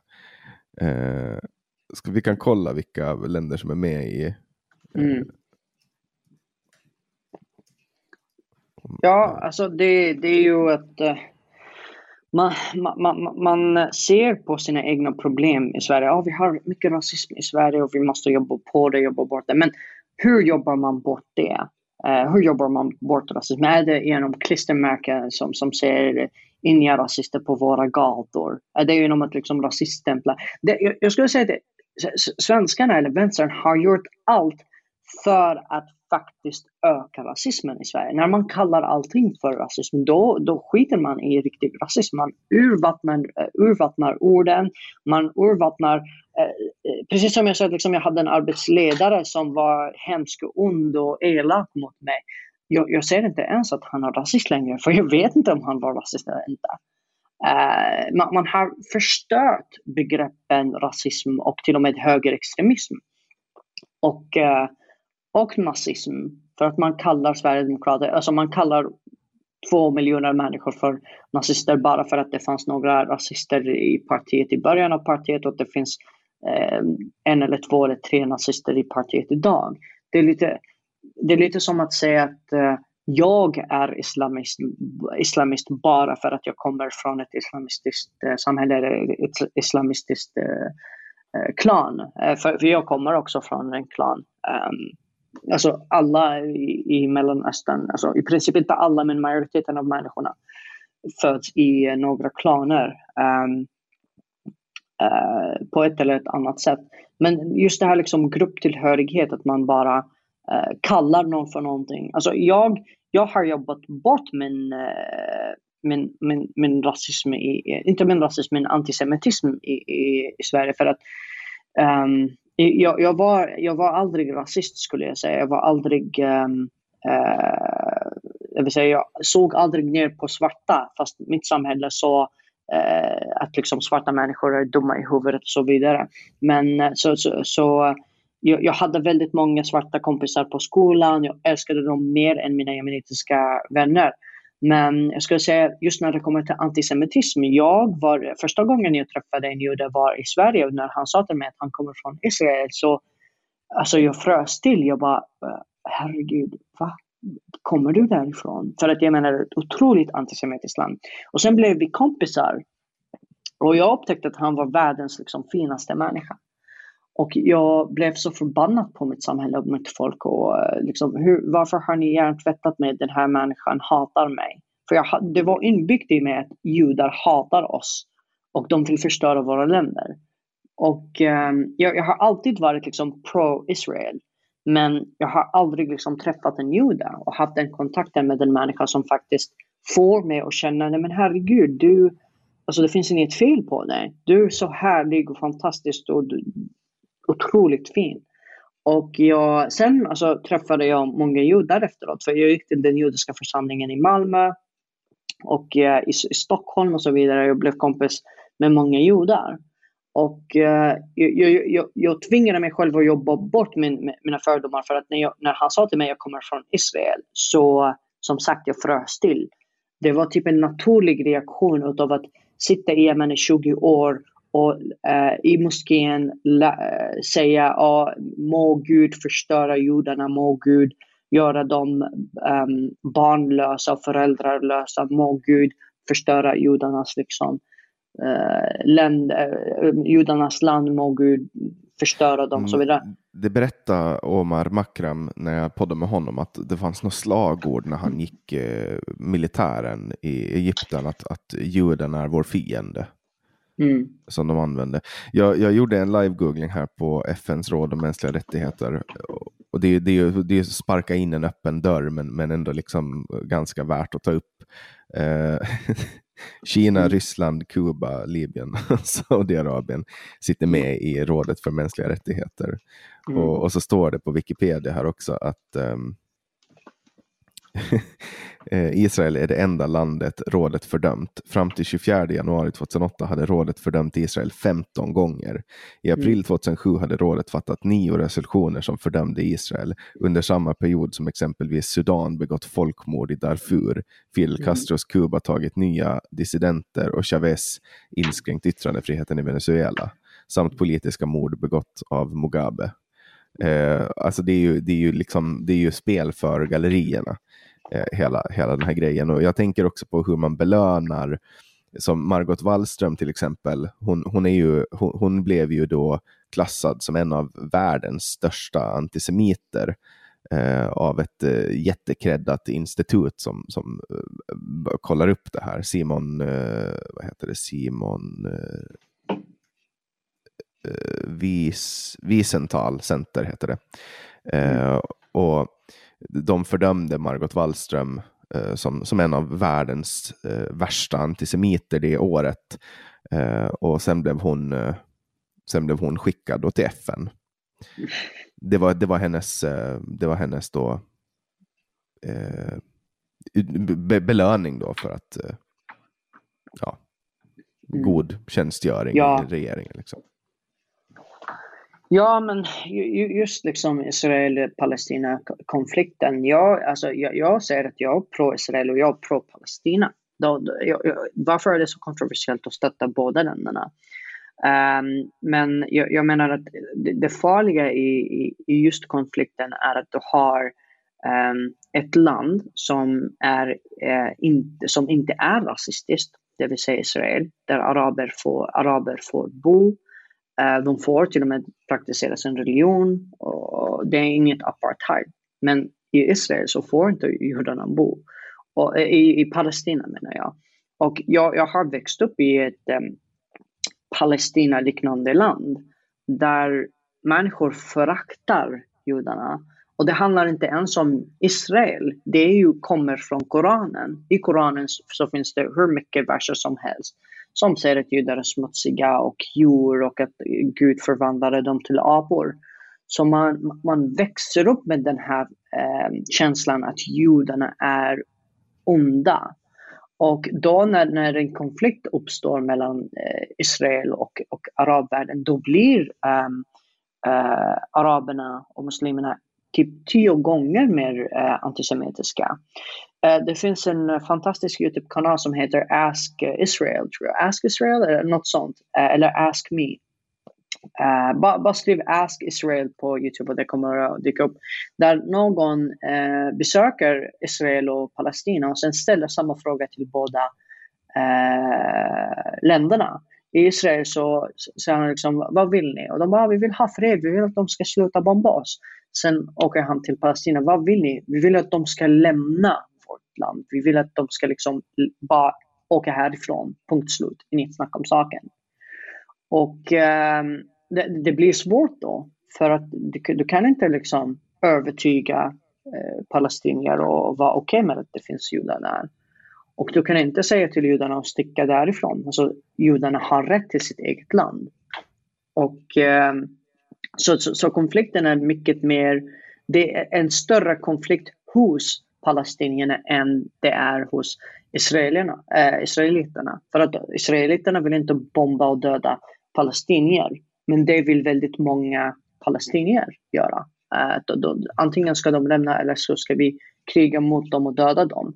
Och det, problemet också är att det inte bara är palestinier som tänker så.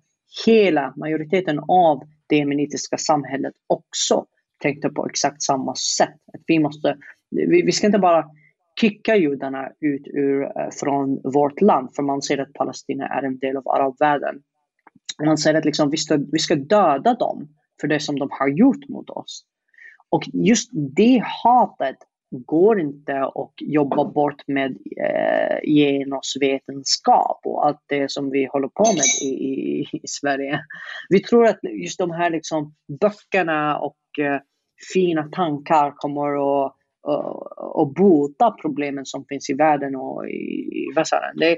alltså, jag, jag blev så chockerad när Sverige blev första landet som erkände Palestina som ett land. Det, för mig och för araber så skickade den signalen att Sverige står på palestiniernas sida och inte på Israels sida.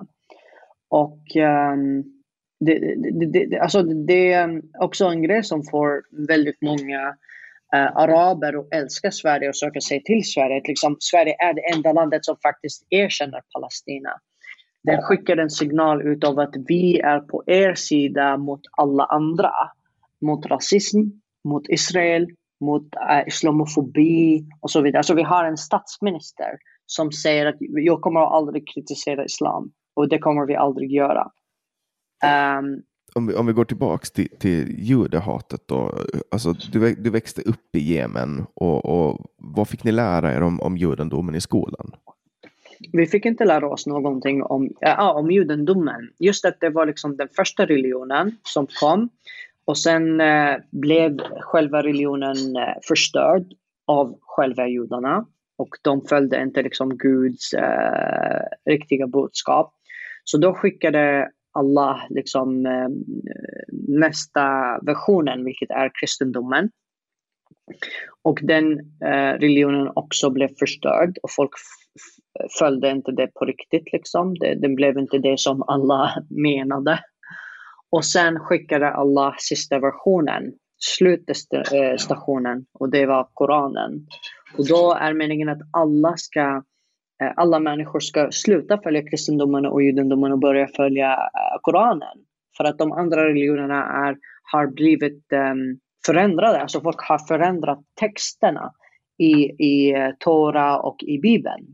Och om man har förändrat en, en, text så är det inte äkta längre. Det är inte Guds bokstavliga ord, vilket det som Koranen är.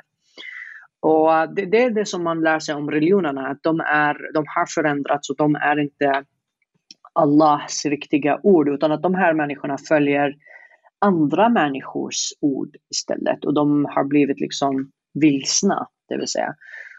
Men sen om själva människorna, det vill säga kristna och judarna, så, så man, man lär sig bara att hata dem och förakta dem.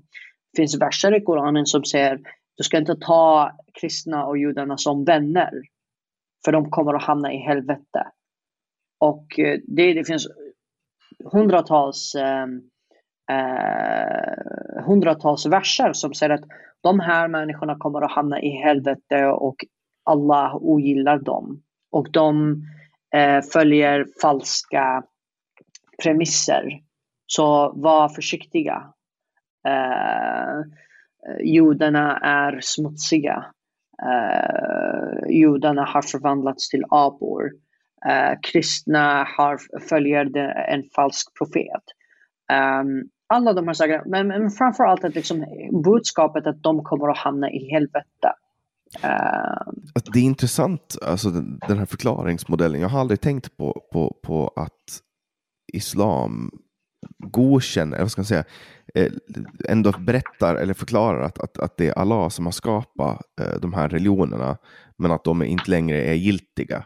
Mm. Eh, jag har inte tänkt på att, att det kanske finns en förklaring, alltså att, att det finns en teologisk förklaring i, jag vet inte som man säger teologisk förklaring, det finns en, en förklaring i själva religionen som, som förklarar varför de här religionerna finns och varför de samexisterar. Mm. Um, det, det, är en fråga som man ställer till imamer hela tiden, men de har sina olika tolkningar. Uh, vissa imamer menar att uh, det här har alltid varit Allahs plan. Att, att han skulle skicka olika profeter till olika ställen och sen sista profeten kommer att ena hela um, alla, eh, alla tre religioner, det vill säga kristendomen, judendomen och islam. Men det misslyckades Allah med. Alltså, de, är, de här religionerna finns fortfarande, de är väldigt olika. Um, så det är en förklaringsmodell där man säger att liksom, uh, profet Muhammed var tänkt att ena de här olika religionerna. Men varför misslyckades han? Jo, för att judarna och kristna är dumma i huvudet och de är uh, giriga. Och de vill inte erkänna. Och det är en fråga som du kan ställa vilken imam som helst. Varför är det så när en jude eller en kristen läser Koranen, de inte blir muslimer. Och då är deras förklaring att det är Satan. Att de har blivit hjärntvättade och då är Satan liksom svaret på det. För Satan hjärntvättar människor. Eh, och jag skulle argumentera att Islam har sin egen Satan som hjärntvättar människor och tänka på det sättet då. Eh, man, man bara tänker utifrån sin egen version. Men det som störde mig mest var hur islam normaliserar hat mot eh, andra eh, religioner och människor som följer andra religioner. Jag minns att som tioårig skulle jag ställa frågan till läraren, men varför ska människor som, alltså själva Allah bestämde att de skulle vara födda i Kina eller i Sverige eller i Japan, de ska hamna i helvetet. Fast det är egentligen Gud som bestämde att de ska vara födda där. Och då säger de att eh, ja, men det är Guds plan. Man får inte ifrågasätta Guds plan. Det, det, det, alltså, det är lite som ett, liksom en, ett Black Mirror avsnitt där man menar att liksom, man måste bara följa den här planen och i slutet kommer det att, att bli som Gud menade. Ja, det finns ju ingen logik i religion. Nej. Det är ju det sista vi kan kräva av religionen. Ja. ge oss logik nu, ge oss ett rimligt förklar en rimlig förklaring på det här. Um, religion har ju genom tiderna skänkt människor mycket glädje och nöje och gör ju det eh, till människor idag. Eh, men när man pratar om den här fundamentala delen så finns ju ingen, ingenting nyttigt, tror jag, som man kan hämta från en fundamental religion som går ut på att Alltså på förlegade världsbilder. Att människor, vissa människor är mindre värda. Mm. Vi, kommer inte att, vi kommer inte att få ut något bra av det. Alltså på, på samma sätt som att om vi skulle gå tillbaka till den kristendom som, som fanns när vi eldade upp människor som vi trodde att var häxor. Mm. Häxbränningarna, den, det är en form av fundamental bokstavstroende eller vad man ska säga misstänkliggörande. Men, men nu har ju den, nu har ju, nu har ju kristendomen har ju reformerats på ett sånt sätt så att det där, det där händer inte längre. Vi eldar inte häxor i, i Sverige, i Finland längre. Mm. Eh, däremot så stenar man ju fortfarande bögar nere i Mellanöstern. Mm. Eh, en, en förklaring på det kan ju vara att, att religionen inte har blivit reformerad. Eh, Mm. Alltså att man inte har, man har inte gjort den här reformeringsprocessen som är nödvändig för att få bort de här oönskade inslagen. Och jag tror absolut att, det, att, att eh, människor kan leva sida vid sida så länge man respekterar varandras religioner. Mm. Men, men nu, nu är det ju viss... Nu, I Sverige så, så upplever jag det som att man har mer, att det är mer acceptabelt att, att tillåta Alltså viss, viss, viss form av, av eh, islamistisk terrorism går under radarn på grund av att man är rädd för att ifrågasätta en religion när det är då den islamistiska eh, ideologin eh, som man, alltså med betoning på istisk, eh, det är ju det som är islamism, det är ju en politisk ideologi. När man, när man liksom ifrågasätter islamism, då, då får, får man eh, kastat på sig, ja men du är ju du är ju islamofob. Och det här är ju jättegynnsamt att man, att man skapar den här formen av... eh, Det fin- jag har aldrig hört talas om, eh, om att man... Alltså, man man är ju inte judofobisk. Man är ju, man är ju antisemit. Man är, man är ju emot judar. Det är ju antisemit. Eh, det är Jo, ju inte men det är skillnad också. För, för, och jag tror att det är också det som förvirrar folk. För judar är inte bara de, de, de religiösa judarna. Det finns etniska judar. Det finns inga etniska muslimer. Det finns inga etniska kristna. Och det är en distinktion som folk har svårt att göra. Eh, Men du vadå, kan anser, vara anser, anser, inte, eh, alltså, anser inte araber att de är ett folk? Ja, men, men då är det liksom ett folk, det är en, en etnicitet. Men det är inte som att muslimerna är en etnisk grupp. En, Nej, nej, ja, det är sant. Det är sant. Ja, Såklart. Men muslimerna är inte en etnisk grupp. Det är liksom människor som följer. Jag var muslim, jag lämnade islam. Jag är inte muslim längre. Jag är inte liksom etnisk muslim. Men en jude säger, en jude säger "Ah, jag, inte, jag tror inte på judendomen längre. Jag är sekulär, jag är ateist. Den är fortfarande jude på grund av att det är en etnisk grupp. Eh, sen har de också en religion. Det finns religiösa eh, judar, det finns icke-religiösa judar. Och sen finns det också icke-etniska um, judar som är religiösa. Så om jag nu bestämmer mig att jag ska bli, jag ska bli en, en jude och liksom, jag, jag tror på judendomen, då blir jag religiös jude, men jag blir inte etnisk jude. Och det här är någonting som förvirrar människor. Så man, man, man tror att det är samma sak med muslimerna, men det stämmer inte. Men jag, jag vill fråga dig någonting. Du, du sa där någonting om att, eh, reform mot typ islam. Varför tror du att islam, eller den muslimska världen, inte har gått igenom någon slags eh, kristendomen liknande reform? Va- varje gång man försöker göra det så slås det ner med våld av regimerna. Eh, så långt jag vet i alla fall. Och då tänker jag närmast på, på arabiska våren. Ja. Det slogs ju ner med våld. eh, för att man helt enkelt har ledarstrukturer som inte tillåter eh, den här gräsrotsrörelsen att växa till sig. Eh, och, och där det har skett, eller alltså där, där Arab, det finns ju de facto arabiska länder som har varit eh, väldigt sekulära, eh, sekulariserade åtminstone, eh, men som har genomgått revolutioner åt det islamistiska hållet. Ehm, och det såg man ju på 70-talet, flera exempel i, i Mellanöstern där det blev på det sättet. Att det, det, har, det har att göra med eh, att extremismen har ha varit starkare. Ja, men så är det ju. Alltså, jag kommer att skicka krönikan som, eh, som jag skrivit om just arabiska våren till dig så att du får se. För att där beskriver jag liksom hur revolutionen faktiskt fun funkade i, i, i Jemen. Eh, som vi liksom som feminister och islamister stod sida vid sida för att liksom falla eh, regimen. Och sen i, i, slutet så upptäckte vi att vi feministerna hade ingen makt. Vi, inte, vi var inte särskilt många. Och eh, det är ju islamister som liksom tog över bara för att demografiskt mässigt var de betydligt större och starkare. Um, jag, jag, skulle säga att mitt svar på det, liksom, anledningen till att reformen har inte skett i Mellanöstern var för att, eller är för att vi inte är en del av den vetenskapliga revolutionen av världen. Vi, vi, I Mellanöstern så tror vi inte på evolution. Uh, vi började tro på uh, the Big Bang Theory. Och de här två sakerna har förstört religion i grunden i, i, i västvärlden. Att man, man säger, alltså Galileo, han sa att eh, det finns må många olika planeter. Och sen kommer kristendomen och säger nej, du, du, de fängslar honom. De säger du, du eh, uh, avskyvärd och hemskt, du vill förstöra vår religion. Och sen upptäckte de efter de uh, utvecklades vetenskapligt att han hade rätt.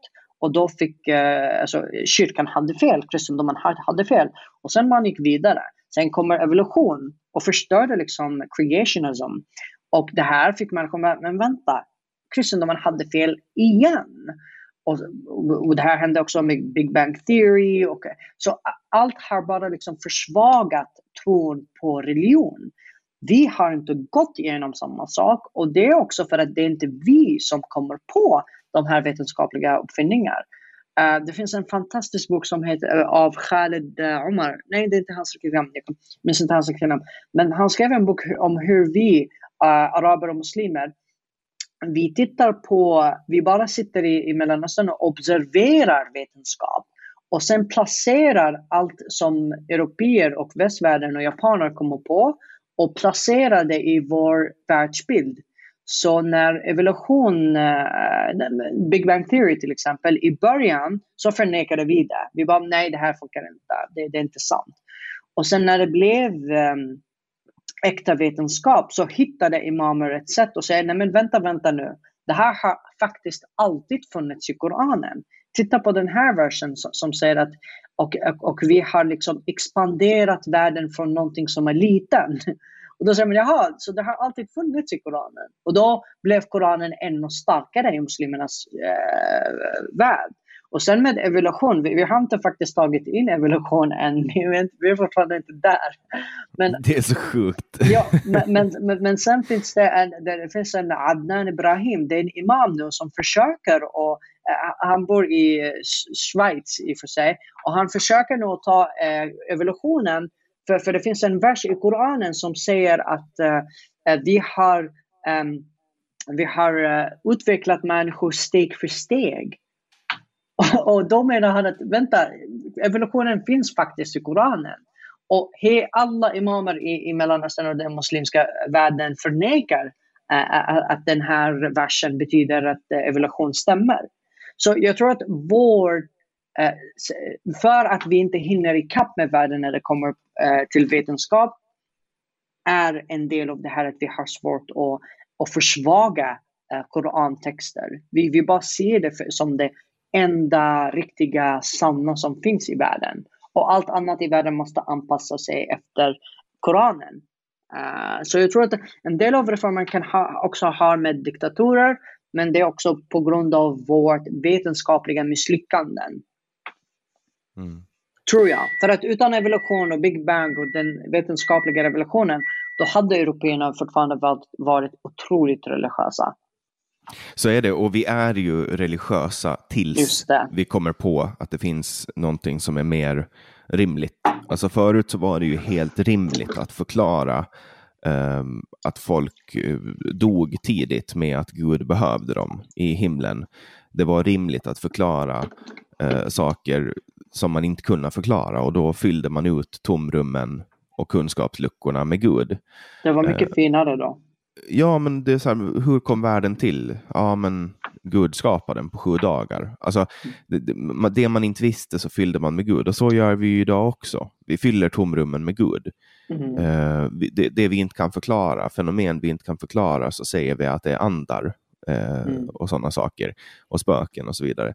Och, och, och det är ju klart att vi, alltså människan har ju en, en vilja att förstå sig på saker, att kunna förklara saker. Vi, blir, vi mår inte bra av att vara förvirrade. Och det finns ju också vetenskap som visar att människor som har en tro på någonting lider av mindre ångest. Mm. Eh, och därför har ju jag personligen valt att tro på en högre makt. Nu Mm. tillskriver inte jag den högre makten varken ett namn eller, eller någon religion, utan jag väljer bara att, att se saker som händer på ett visst sätt eftersom det funkar för mig. Eh, men jag är inte på något sätt religiös. Eh, jag skulle inte kalla mig själv för Spirituell.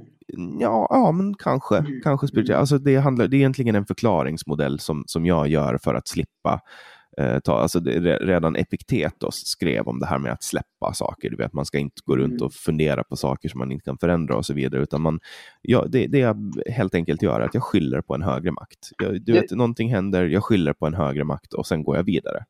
Du, du slår mig som en panteist. Vet du vad det är för någonting? Nej, berätta. Jag, jag, tror, jag, jag tror att jag också är panteist och jag tror att hela, alltså alla människor som har den synen som du har är panteister. Panteism är, jag läser upp det från eh, Wikipedia, panteism är en Guds uppfattning där hela naturen, världen och universum är besjälat av ett transcendent andligt väsen i vilket allting är ett. Så Ja. man, man, man tror att liksom allting är en manifestation utav Gud. Ja, men så är det. Jag kom, jag kom ju ut ur en LSD-tripp en gång och, och, och, och, konstatera, och konstatera att allting var ett. Det var liksom min, min slutsats av tio timmar av en LSD-tripp. Nu, nu är det här så pass länge sedan så det, är- det är liksom preskriberat och det skedde ju såklart i ett land där det är tillåtet att, att göra det. Men, Mm. men efter den upplevelsen så kom jag tillbaka och då visste jag att allting var ett. Liksom. Det Ja. allt jag kunnat konstatera. Ja. Men, men sen där också, jag brukar tänka på, på världen som, ehm, som, tänk till exempel att, att du är en tvådimensionell varelse. Du kan bara, du kan bara uppleva två dimensioner. Och, och sen helt plötsligt så kommer jag och tittar på dig. Eh, då kommer jag att ha en ytterligare en dimension. Eh, och, och, och du kan bara titta åt sidorna. Du, du är liksom en liten, du är som en, eh, tänk dig ett mynt, en 10 krona på marken. Mm. Eh, Eller, och, och du kan bara titta åt sidorna eh, och, och jag kan titta på dig uppifrån. Om jag då pratar med dig, då kommer inte du att veta var den rösten kommer ifrån och då kommer du att förklara det. det som att det är Gud.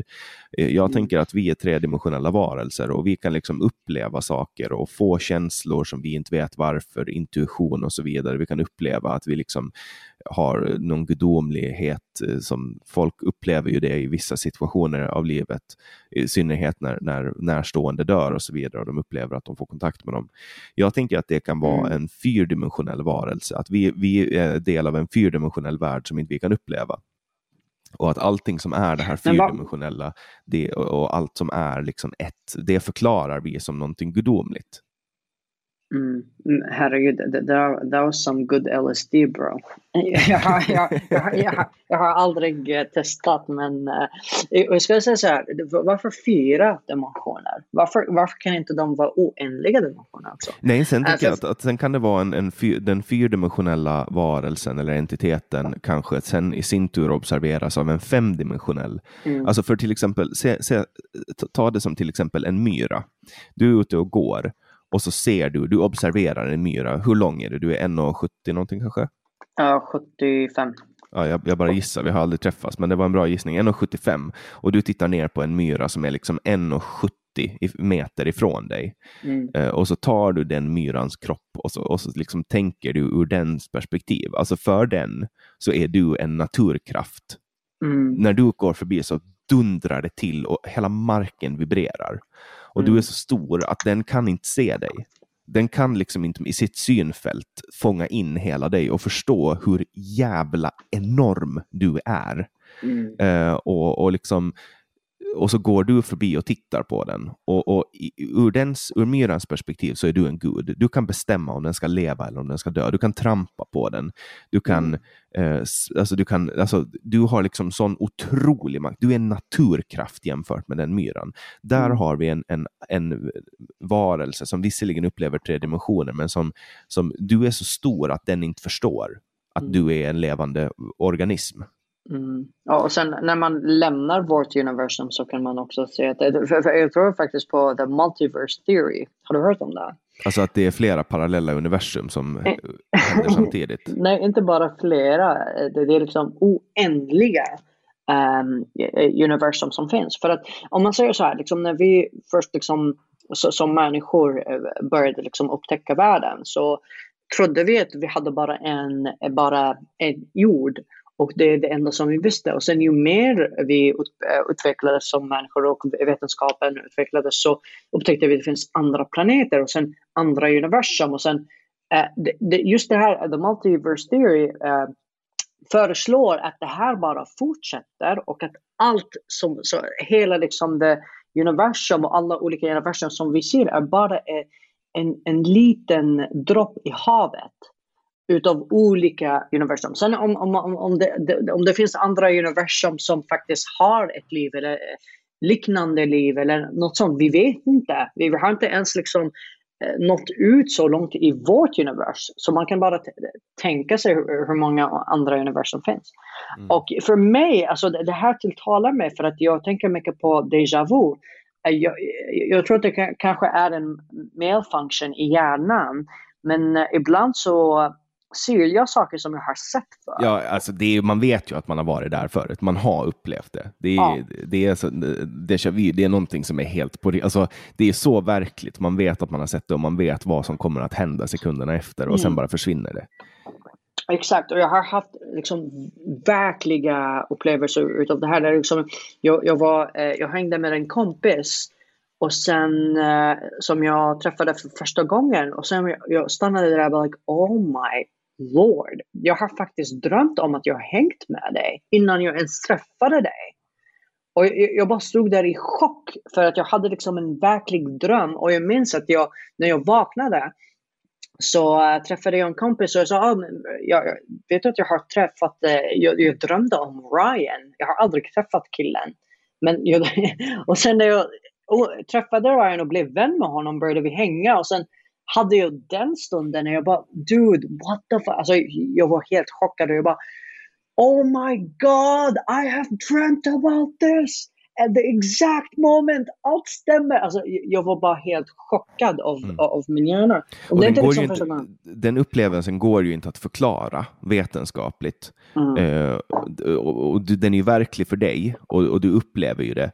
Uh, men det går samtidigt inte att bevisa att, det är, att du har gjort det. Och, och, därför så blir det ju en högst egen tolkning som du får ja. behålla för dig själv. Och där tycker jag det är intressant med när man läser andlig, andliga böcker eller böcker om mental frid och så vidare. Ja, som så exempel. Ja. Som uh, Eckhart Tolle till exempel. Mm. Han har ju skrivit en bok som heter The Power of Now som är en jätte, jättebra bok uh, där han liksom förklarar det här med alltså egot och, och sånt. Eh, det är ju ganska det är flummiga mm. grejer, men det är fortfarande en, en, väldigt, väldigt bra bok. Och då, då, då är det någon som ställer en fråga till honom, så här, men hur, hur kan jag veta att det här är sant? Hur kan jag veta att det här mm. du säger är sant? Och då svarar han, pröva själv, så blir du beviset. Eh, mm. och Jag tycker att det är ganska häftigt, därför att de flesta andliga saker man kan ägna sig åt, till exempel meditation, eh, när folk säger så här, nu finns det ju vetenskap som säger att ja, men nu är det bra och då helt plötsligt då kan, då kan staten subventionera friskvård i form av eh, meditation och sånt. Men, men det är ju samtidigt eh, på exakt samma sätt där. Ja, men pröva meditera själv, då blir du beviset på att det fungerar. Och det är väl det enda beviset man behöver, att det fungerar för en själv. För det skiter jag i om det funkar för någon annan, om det inte funkar för mig. Mm. Men så är det ju. Alltså, jag, jag pratade faktiskt om vetenskaps... Eh, Ehm, eh, en vetenskapsperson och han sa till mig Lloyd, din hjärna är trasig. Men alltså, han menar liksom att alla hjärnor är trasiga och ibland kan man inbilda sig någonting som inte faktiskt finns i verkligheten.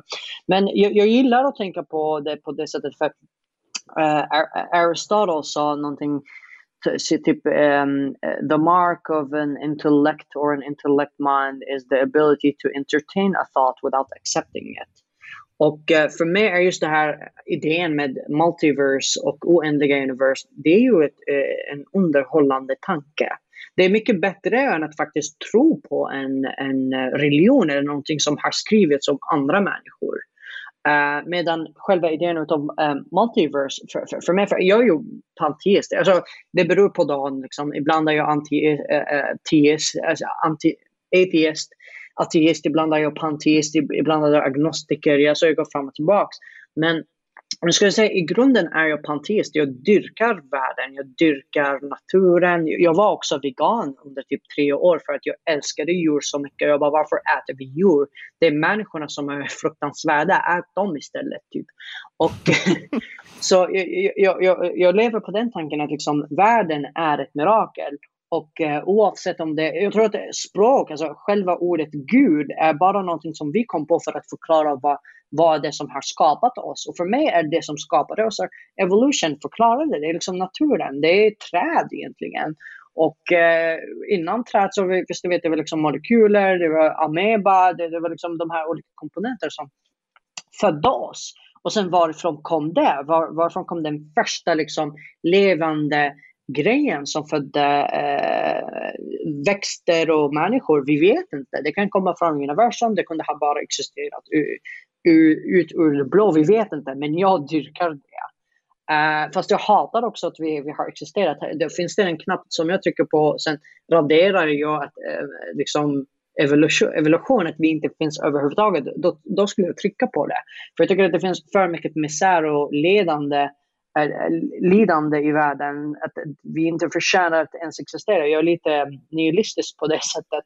Men vi finns här och jag dyrkar världen och försöker förstå det. Jag tycker att det är eh, fantastiskt att i Sverige får jag faktiskt säga de här sakerna. För hade jag varit i Yemen skulle jag säga de här sakerna i en podcast, då skulle jag bli slaktad av staten och människor där. Så i Sverige är det underbart att man får se de här sakerna. Det, det är otroligt. Um, jag skulle säga att mina första år i Sverige var jag så rädd att ens säga de här orden att jag inte tror på islam, fast jag var i Sverige. Um, jag tänkte bara, jag, jag, bara, jag bara slogs av den här tanken att herregud, jag får snacka om multiverse theory och allt det här liksom i en podcast. Um, Ja, det, det är en fantastiskt att vi bor i ett land där man får eh, prata om de här sakerna. Ja, och det är ju alltså det är ju det som är eh, en av de vackra sakerna med, med den eh, bas av lagstiftning som vi har, eh, det vill säga yttrandefriheten. Eh, samtidigt så har vi också inom yttrandefriheten så ryms ju eh, det faktum att man ska få kritisera folk. Eh, men kritiserar man vissa saker i Sverige, då får man eh, vissa epitet stämplade på sig. Som jag, jag har till exempel fått höra att jag glider i min värdegrund uh, för att jag bytte parti från, från Liberalerna till ett parti som heter Obunden Samling. Då, ett, ett parti som samlar politiska vildar. Eh, mm. Och för att det sitter då eh, några personer i obunden samling som, som är höger och borgerliga, de, de är onda då enligt vänstern, då glider jag i min värdegrund. Därför att när jag var, när jag var mm. del av Liberalerna, då var jag god. Eh, men mm. sen så fort jag bytte parti, då enligt dem så glider jag i min värdegrund. Och, och det, där är så, mm. det där är så spännande. För att, för att nu är inte han en del av oss längre. Nu ska vi, nu, nu, nu har han glidit i sin värdegrund. Eh, Gör han man, ond? Exakt, man anammar de här begreppen. Man, det är, ingen vet riktigt vad en värdegrund är längre, för, för det används inte på det sättet som det är originellt när man börjar använda värdegrund. Då pratar man om, om skola och utbildning. Och, och mm. man varnar också samtidigt för att man inte ska använda det här begreppet på det sättet man nu använder det. Mm. Ja, det. men alltså jag älskar begreppet eh, obunden samling. För det är liksom en samling, alltså det är bonden på något sätt men ändå det är liksom människor som är svikna på uh, före detta samlingar kan man säga. Det, jag, jag, jag, relater, jag relaterar mycket. Och folk som inte vill knyta sig till något politiskt parti helt enkelt. Nu, nu är det ju Åland, det är ju ett, ett uh, landskap med ungefär 75 eh, procent borgerlighet. Alltså 75 mm. procent av alla ålänningar är borgerliga. Och, och då blir det ju naturligt att, att de flesta som är en del av obunden samling är borgerliga, men, men eh, eller höger eller liberaler på, på mm. visst sätt, eh, det vill säga inte vänster. Eh, vänstern är ju roten till allt ont, det vet vi ju. Precis som de anser att, att eh, kapitalismen är roten till allt ont eller rasismen är roten till allt ont. Det är ju det som är eh, roten till det onda är ju att påstå att roten till allt ont är någonting som man själv bestämmer att det är. Mm. Eh, jag tror ju att det här, samhälls, alltså det här samhällsklimatet som vi har levt i nu eh, sedan Sverigedemokraterna blev invalda i riksdagen första gången då 2010, det, det kommer att eh, fortsätta eh, tills folk inser hur absurt det är. Men det jag nu har insett med Sverige, det är att, och det är många som har sagt det här före mig, det är att alla vänder samtidigt. Man mm. vänder samtidigt och så låtsas man som att det alltid har varit verkligheten. Mm. Och, och, det är ett stort problem, att man mm. håller på på det sättet. För att uh, man, man liksom alternerar verkligheten. Man börjar med nyspråk. Det är ju det som Centern gör när de säger vi går i konstruktiv opposition. Mm. Vilket innebär att man, man kan inte vara i, alltså det, det där är nyspråk, alltså det de säger att vi stödjer regeringen. Men samtidigt så vill de vara i opposition. De vill äta tårtan och ha den kvar. Nu sa jag tårtan därför att på engelska säger man eat the cake. Eh, mm. Och cake är ju tårta på engelska, så jag tror att det är Men man vill äta kakan och ha den kvar. Man mm. vill stödja regeringen, men man vill ändå säga till folk att man är i opposition. Och då hittar man på att ja, men opposition det är när man är emot regeringen, men konstruktiv opposition det är när man, för, det är när man stödjer regeringen. Mm. Alltså, och det, det här nyspråks eh, ivret som finns i Sverige, det, det, är, inte, det är inte bra. Mm. Ja. Det var ju som den här tweeten jag läste upp i början på hur, hur Socialdemokraterna vill ha både och. De vill vara emot invandring, men de vill vara för invandring. De vill vara mm. emot att folk använder hårda ordalag om invandring, men de vill använda hårda ordalag om invandring. Mm. Eh, och, och, Problemet är ju att folk inte ser det här. Folk mm. blundar för verkligheten. Och, och det, det, det är farligt alltså. Vi får ju sådana här bisarra alltså, Det Stefan Löfven och hans regering har hållit på med nu, det är, det är dåligt för Sverige. Det är jättedåligt för Sverige. Mm.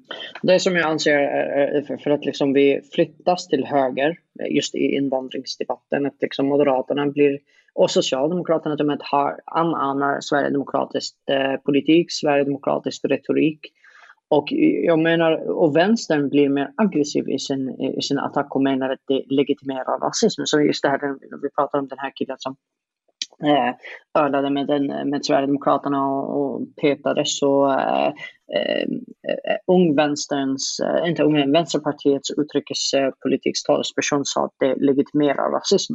Och det, alltså den första politiska videon som jag gjorde, eller den andra politiska videon som jag gjorde 2018, då sa jag att liksom, jag som invandrare, när ni säger till mig att 20% av svenskarna legitimerar rasism och att de är rasister, hur tror ni att det får mig att känna?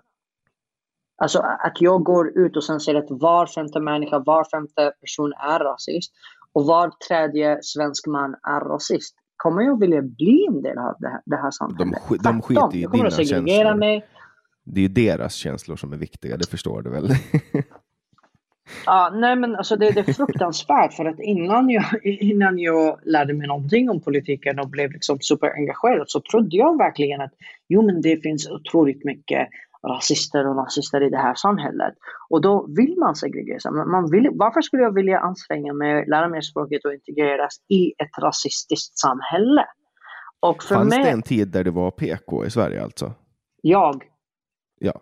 I, nej, alltså jag ska säga så här. När jag började engagera mig 2018, då började jag liksom engagera mig på svenska och då var jag super anti-PK. Men äh, jag skulle säga att eh, i mina första år så var jag ännu mer eh, äh, icke-PK fast på arabiska. Jag opinionsbildade på arabiska på Facebook på mitt gamla Facebook-profil och då var jag så jäkla hård mot islam och den muslimska kulturen. Och eh, sakerna som jag skrev på arabiska var, jag skulle säga, svenskar skulle mena att det är radikala, men jag, för jag talade till mitt folk. Och då skulle jag skriva så här på arabiska, typ ni, uh, ni ser inte mig som människa, ni är radikala, ni förstörde våra länder. Och sen kommer ni hit och ni vill att svenskar ska anpassa sig efter er. Hur tänker ni? Så jag talade direkt till jemeniterna och araberna på arabiska. Och jag, jag var så mycket mer populär då. Inte populär, alltså jag, jag, jag, jag hade mycket mer följare på arabiska, arabiska konto, det arabiska kontot. Och jag var, eh, det, det, det, var liksom högt på tak. Jag har faktiskt eh, avradikaliserats när jag började skriva på arabiska, kan jag säga. Jag började skriva lite mer sansat, lite mer eh, svenskt, eh, god ton och ändå uppfattas jag som extremist. Men när jag skrev på arabiska så var det, för, för det arabiska språket är mycket mer um, rakt på sak än, än svenska. Så eh, när jag skrev min bok så översatte jag några av inläggen som jag skrev på arabiska till svenska. Och när jag översatte dem till uh, engelska och svenska, de lät så aggressivt. De lät så um, uh, arga. Att liksom de var, uh, för, för, det var då liksom mina första år i Sverige där jag började skriva på Facebook på arabiska och då det var lite som att jag behövde liksom vädra mina känslor. Och jag, skrev, jag skulle skriva så här på arabiska. Ni säger att jag är sjuk för att jag älskar män, men ni ligger med barn. Vem är det som är sjuk egentligen? Och um, det, det, var ganska liksom eh, starka inlägg som jag skrev på arabiska och min mamma hon älskade allting som jag skrev. Hon uh, hon tänkte att det var liksom viktigt för mig att faktiskt komma ut med hur jag faktiskt känner kring Jemen. Um, och alltså under 2015-2016 så skrev jag ganska mycket och provokativt på arabiska. Och sen, eh, jag tror att det var den fasen som fick mig att bli, men, men det är inte som att jag skrev hatiska saker, utan att det, det var ungefär så här, jag, jag är bög och jag tror inte på er ideologi och därför lämnade jag. Så varför kommer ni hit och kräver saker, att, att folk ska liksom anpassa sig efter er? Och majoriteten av kommentarerna var, eh, alltså jag skulle få typ, jag vet inte, 800 gilla-markeringar, 1000 gilla-markeringar och sen 2000 kommentarer.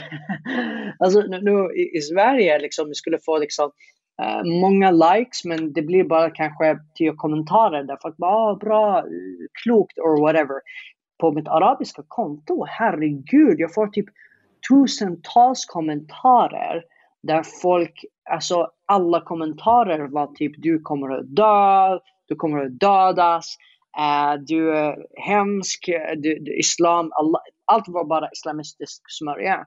Uh, och de som, fem människorna som försvar, inte försvarade mig, som stöttade mig, skrev ingenting. De bara vågade gilla mina inlägg. Ehm, men sen, efter, det, det, här var 2015-2016. Sen tog jag typ en två års uh, paus. Och jag bara ska bara fokusera på svenska, lära mig svenska och så vidare. Och då tänkte jag att jag kommer aldrig uh, engagera mig politiskt i Sverige tills jag känner mig um, tillräckligt bekvämt i svenskan. Och det, det gör jag inte nu. Men jag, jag tänkte liksom om jag engagerar mig i svensk politik och pratar och skriver, så, då kommer jag att lära mig svenska. Uh, och det gjorde jag. Så för tre år sedan så började jag skriva och uh, prata och debattera och så. Och jag blev bara bättre och bättre på svenska genom att debattera och så. Och um, så nej, nej, jag har aldrig varit icke-PK I, i, eh, i, i, Sverige i alla fall. I, i Yemen var jag PK skulle jag säga. För då hade jag, hade jag varit icke-PK i Yemen då hade jag blivit typ mördad. Mm, Okej, okay. ja, jag förstår. Eh, jag hade ju en period där jag var PK, en ganska lång period ja. av min politiska Du var med i Liberalerna. Mm. Exakt. eh, men det, det där faller ju av och det, jag visste ju, jag kände ju på eh, Alltså jag kände ju i min mage att, att det var någonting som var fel, att jag gjorde någonting fel. Eh, men samtidigt så, så blev jag så uppmuntrad eh, av min omgivning att jag bara fortsatt. För att det var, det var så mycket enklare att bara vara PK och säga de här sakerna som jag lärde mig att man skulle säga. Mm. Jag kom ju från ungdomspolitiken. Mm. Och, och, på, det, på den vägen var det liksom. Men sen mm. gjorde jag ett uppvaknande. Mm. Och, det, och det tror jag att liksom, när man växer upp då vaknar man. Man tänker liksom varför ska jag fortsätta hyckla? Varför ska jag liksom låtsas som att jag håller med de här åsikterna? Särskilt när det liksom, man ser liksom utvecklingen i samhället där liksom kriminaliteten ökar, allt bara blir mer förstörd, eh, politiken polariseras mer och mer. Då, då tar man avstånd från typ sitt gamla jag eller sitt, sitt gamla, sin gamla politiska hållning.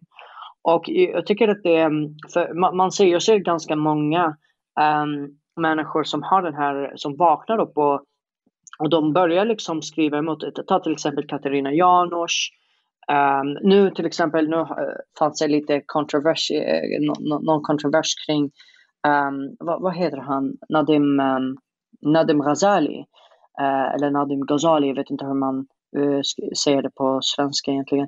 Men där, där, där han, de delade bilder på Eh, typ 2017 så skriver han Fuck rasism, fuck SD och nazistsvin och bla bla bla. Ni är förklädda nazister allihopa. Ni är problemet, ni är hotet. Och nu typ tre år senare så skriver han att vi måste, folk måste anpassa sig, de måste liksom anstränga sig, de måste bli en del av det här som vi skapat. Och då skriver kritikerna att liksom, ah, du, du är en jäkla hycklare för det är du som har ställt med de här problemen det är du som liksom är ansvarig eh, för allt det här som händer idag. Så du får inte säga... Och jag håller inte med. Alltså, det stämmer att de är medskyldiga. De är skyldiga till mycket som det händer. Men ju mer folk vaknar och säger okej, okay, jag hade fel. Det, det är det bästa. Alltså, man måste ge människorna det här utrymmet och säga jag hade fel. För människor är felbara. Det finns ingen som är ofelbar. Du hade fel, du, in, du insåg att du, du hade fel och det är bra nu kom, kom, come to the dark side. mm. Men we have cookies. Nej, men, men alltså att, att man vaknar, det, det, det är ju det finaste. Man måste liksom vara mer öppen än att bara säga ja men du, du är så ond, du, det är du som är ansvarig för det här.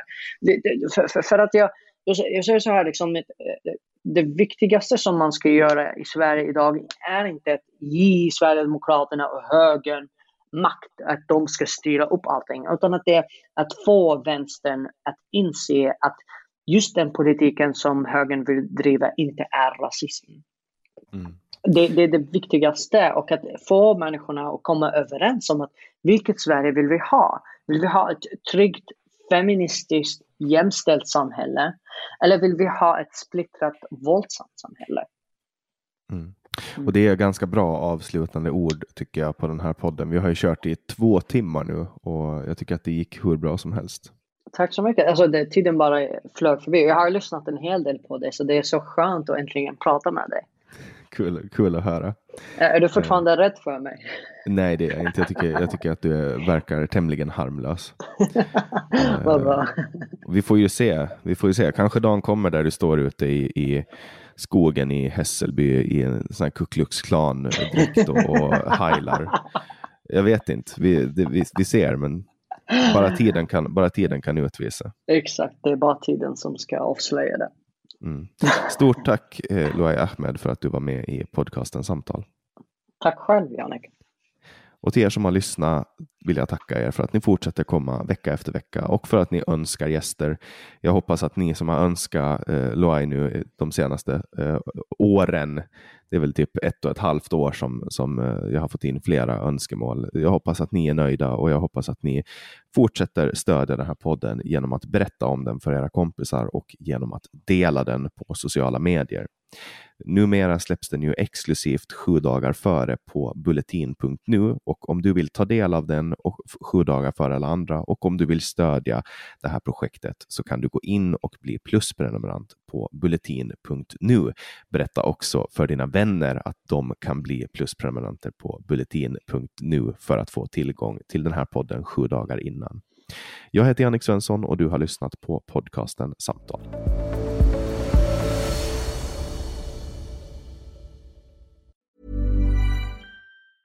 A lot can happen in the next three years. Like a chatbot may be your new best friend. But what won't change? Needing health insurance. United Healthcare Tri Term Medical Plans are available for these changing times Underwritten by Golden Rule Insurance Company, they offer budget-friendly, flexible coverage for people who are in between jobs or missed open enrollment. The plans last nearly three years in some states, with access to a nationwide network of doctors and hospitals. So for whatever tomorrow brings, United Healthcare Tri-Term Medical Plans may be for you. Learn more at uh1.com. Hey, it's Paige DeSorbo from Giggly Squad. High quality fashion without the price tag. Say hello to Quince. I'm snagging high-end essentials like cozy cashmere sweaters, sleek leather jackets, fine jewelry, and so much more. With Quince being 50 to 80% less than similar brands.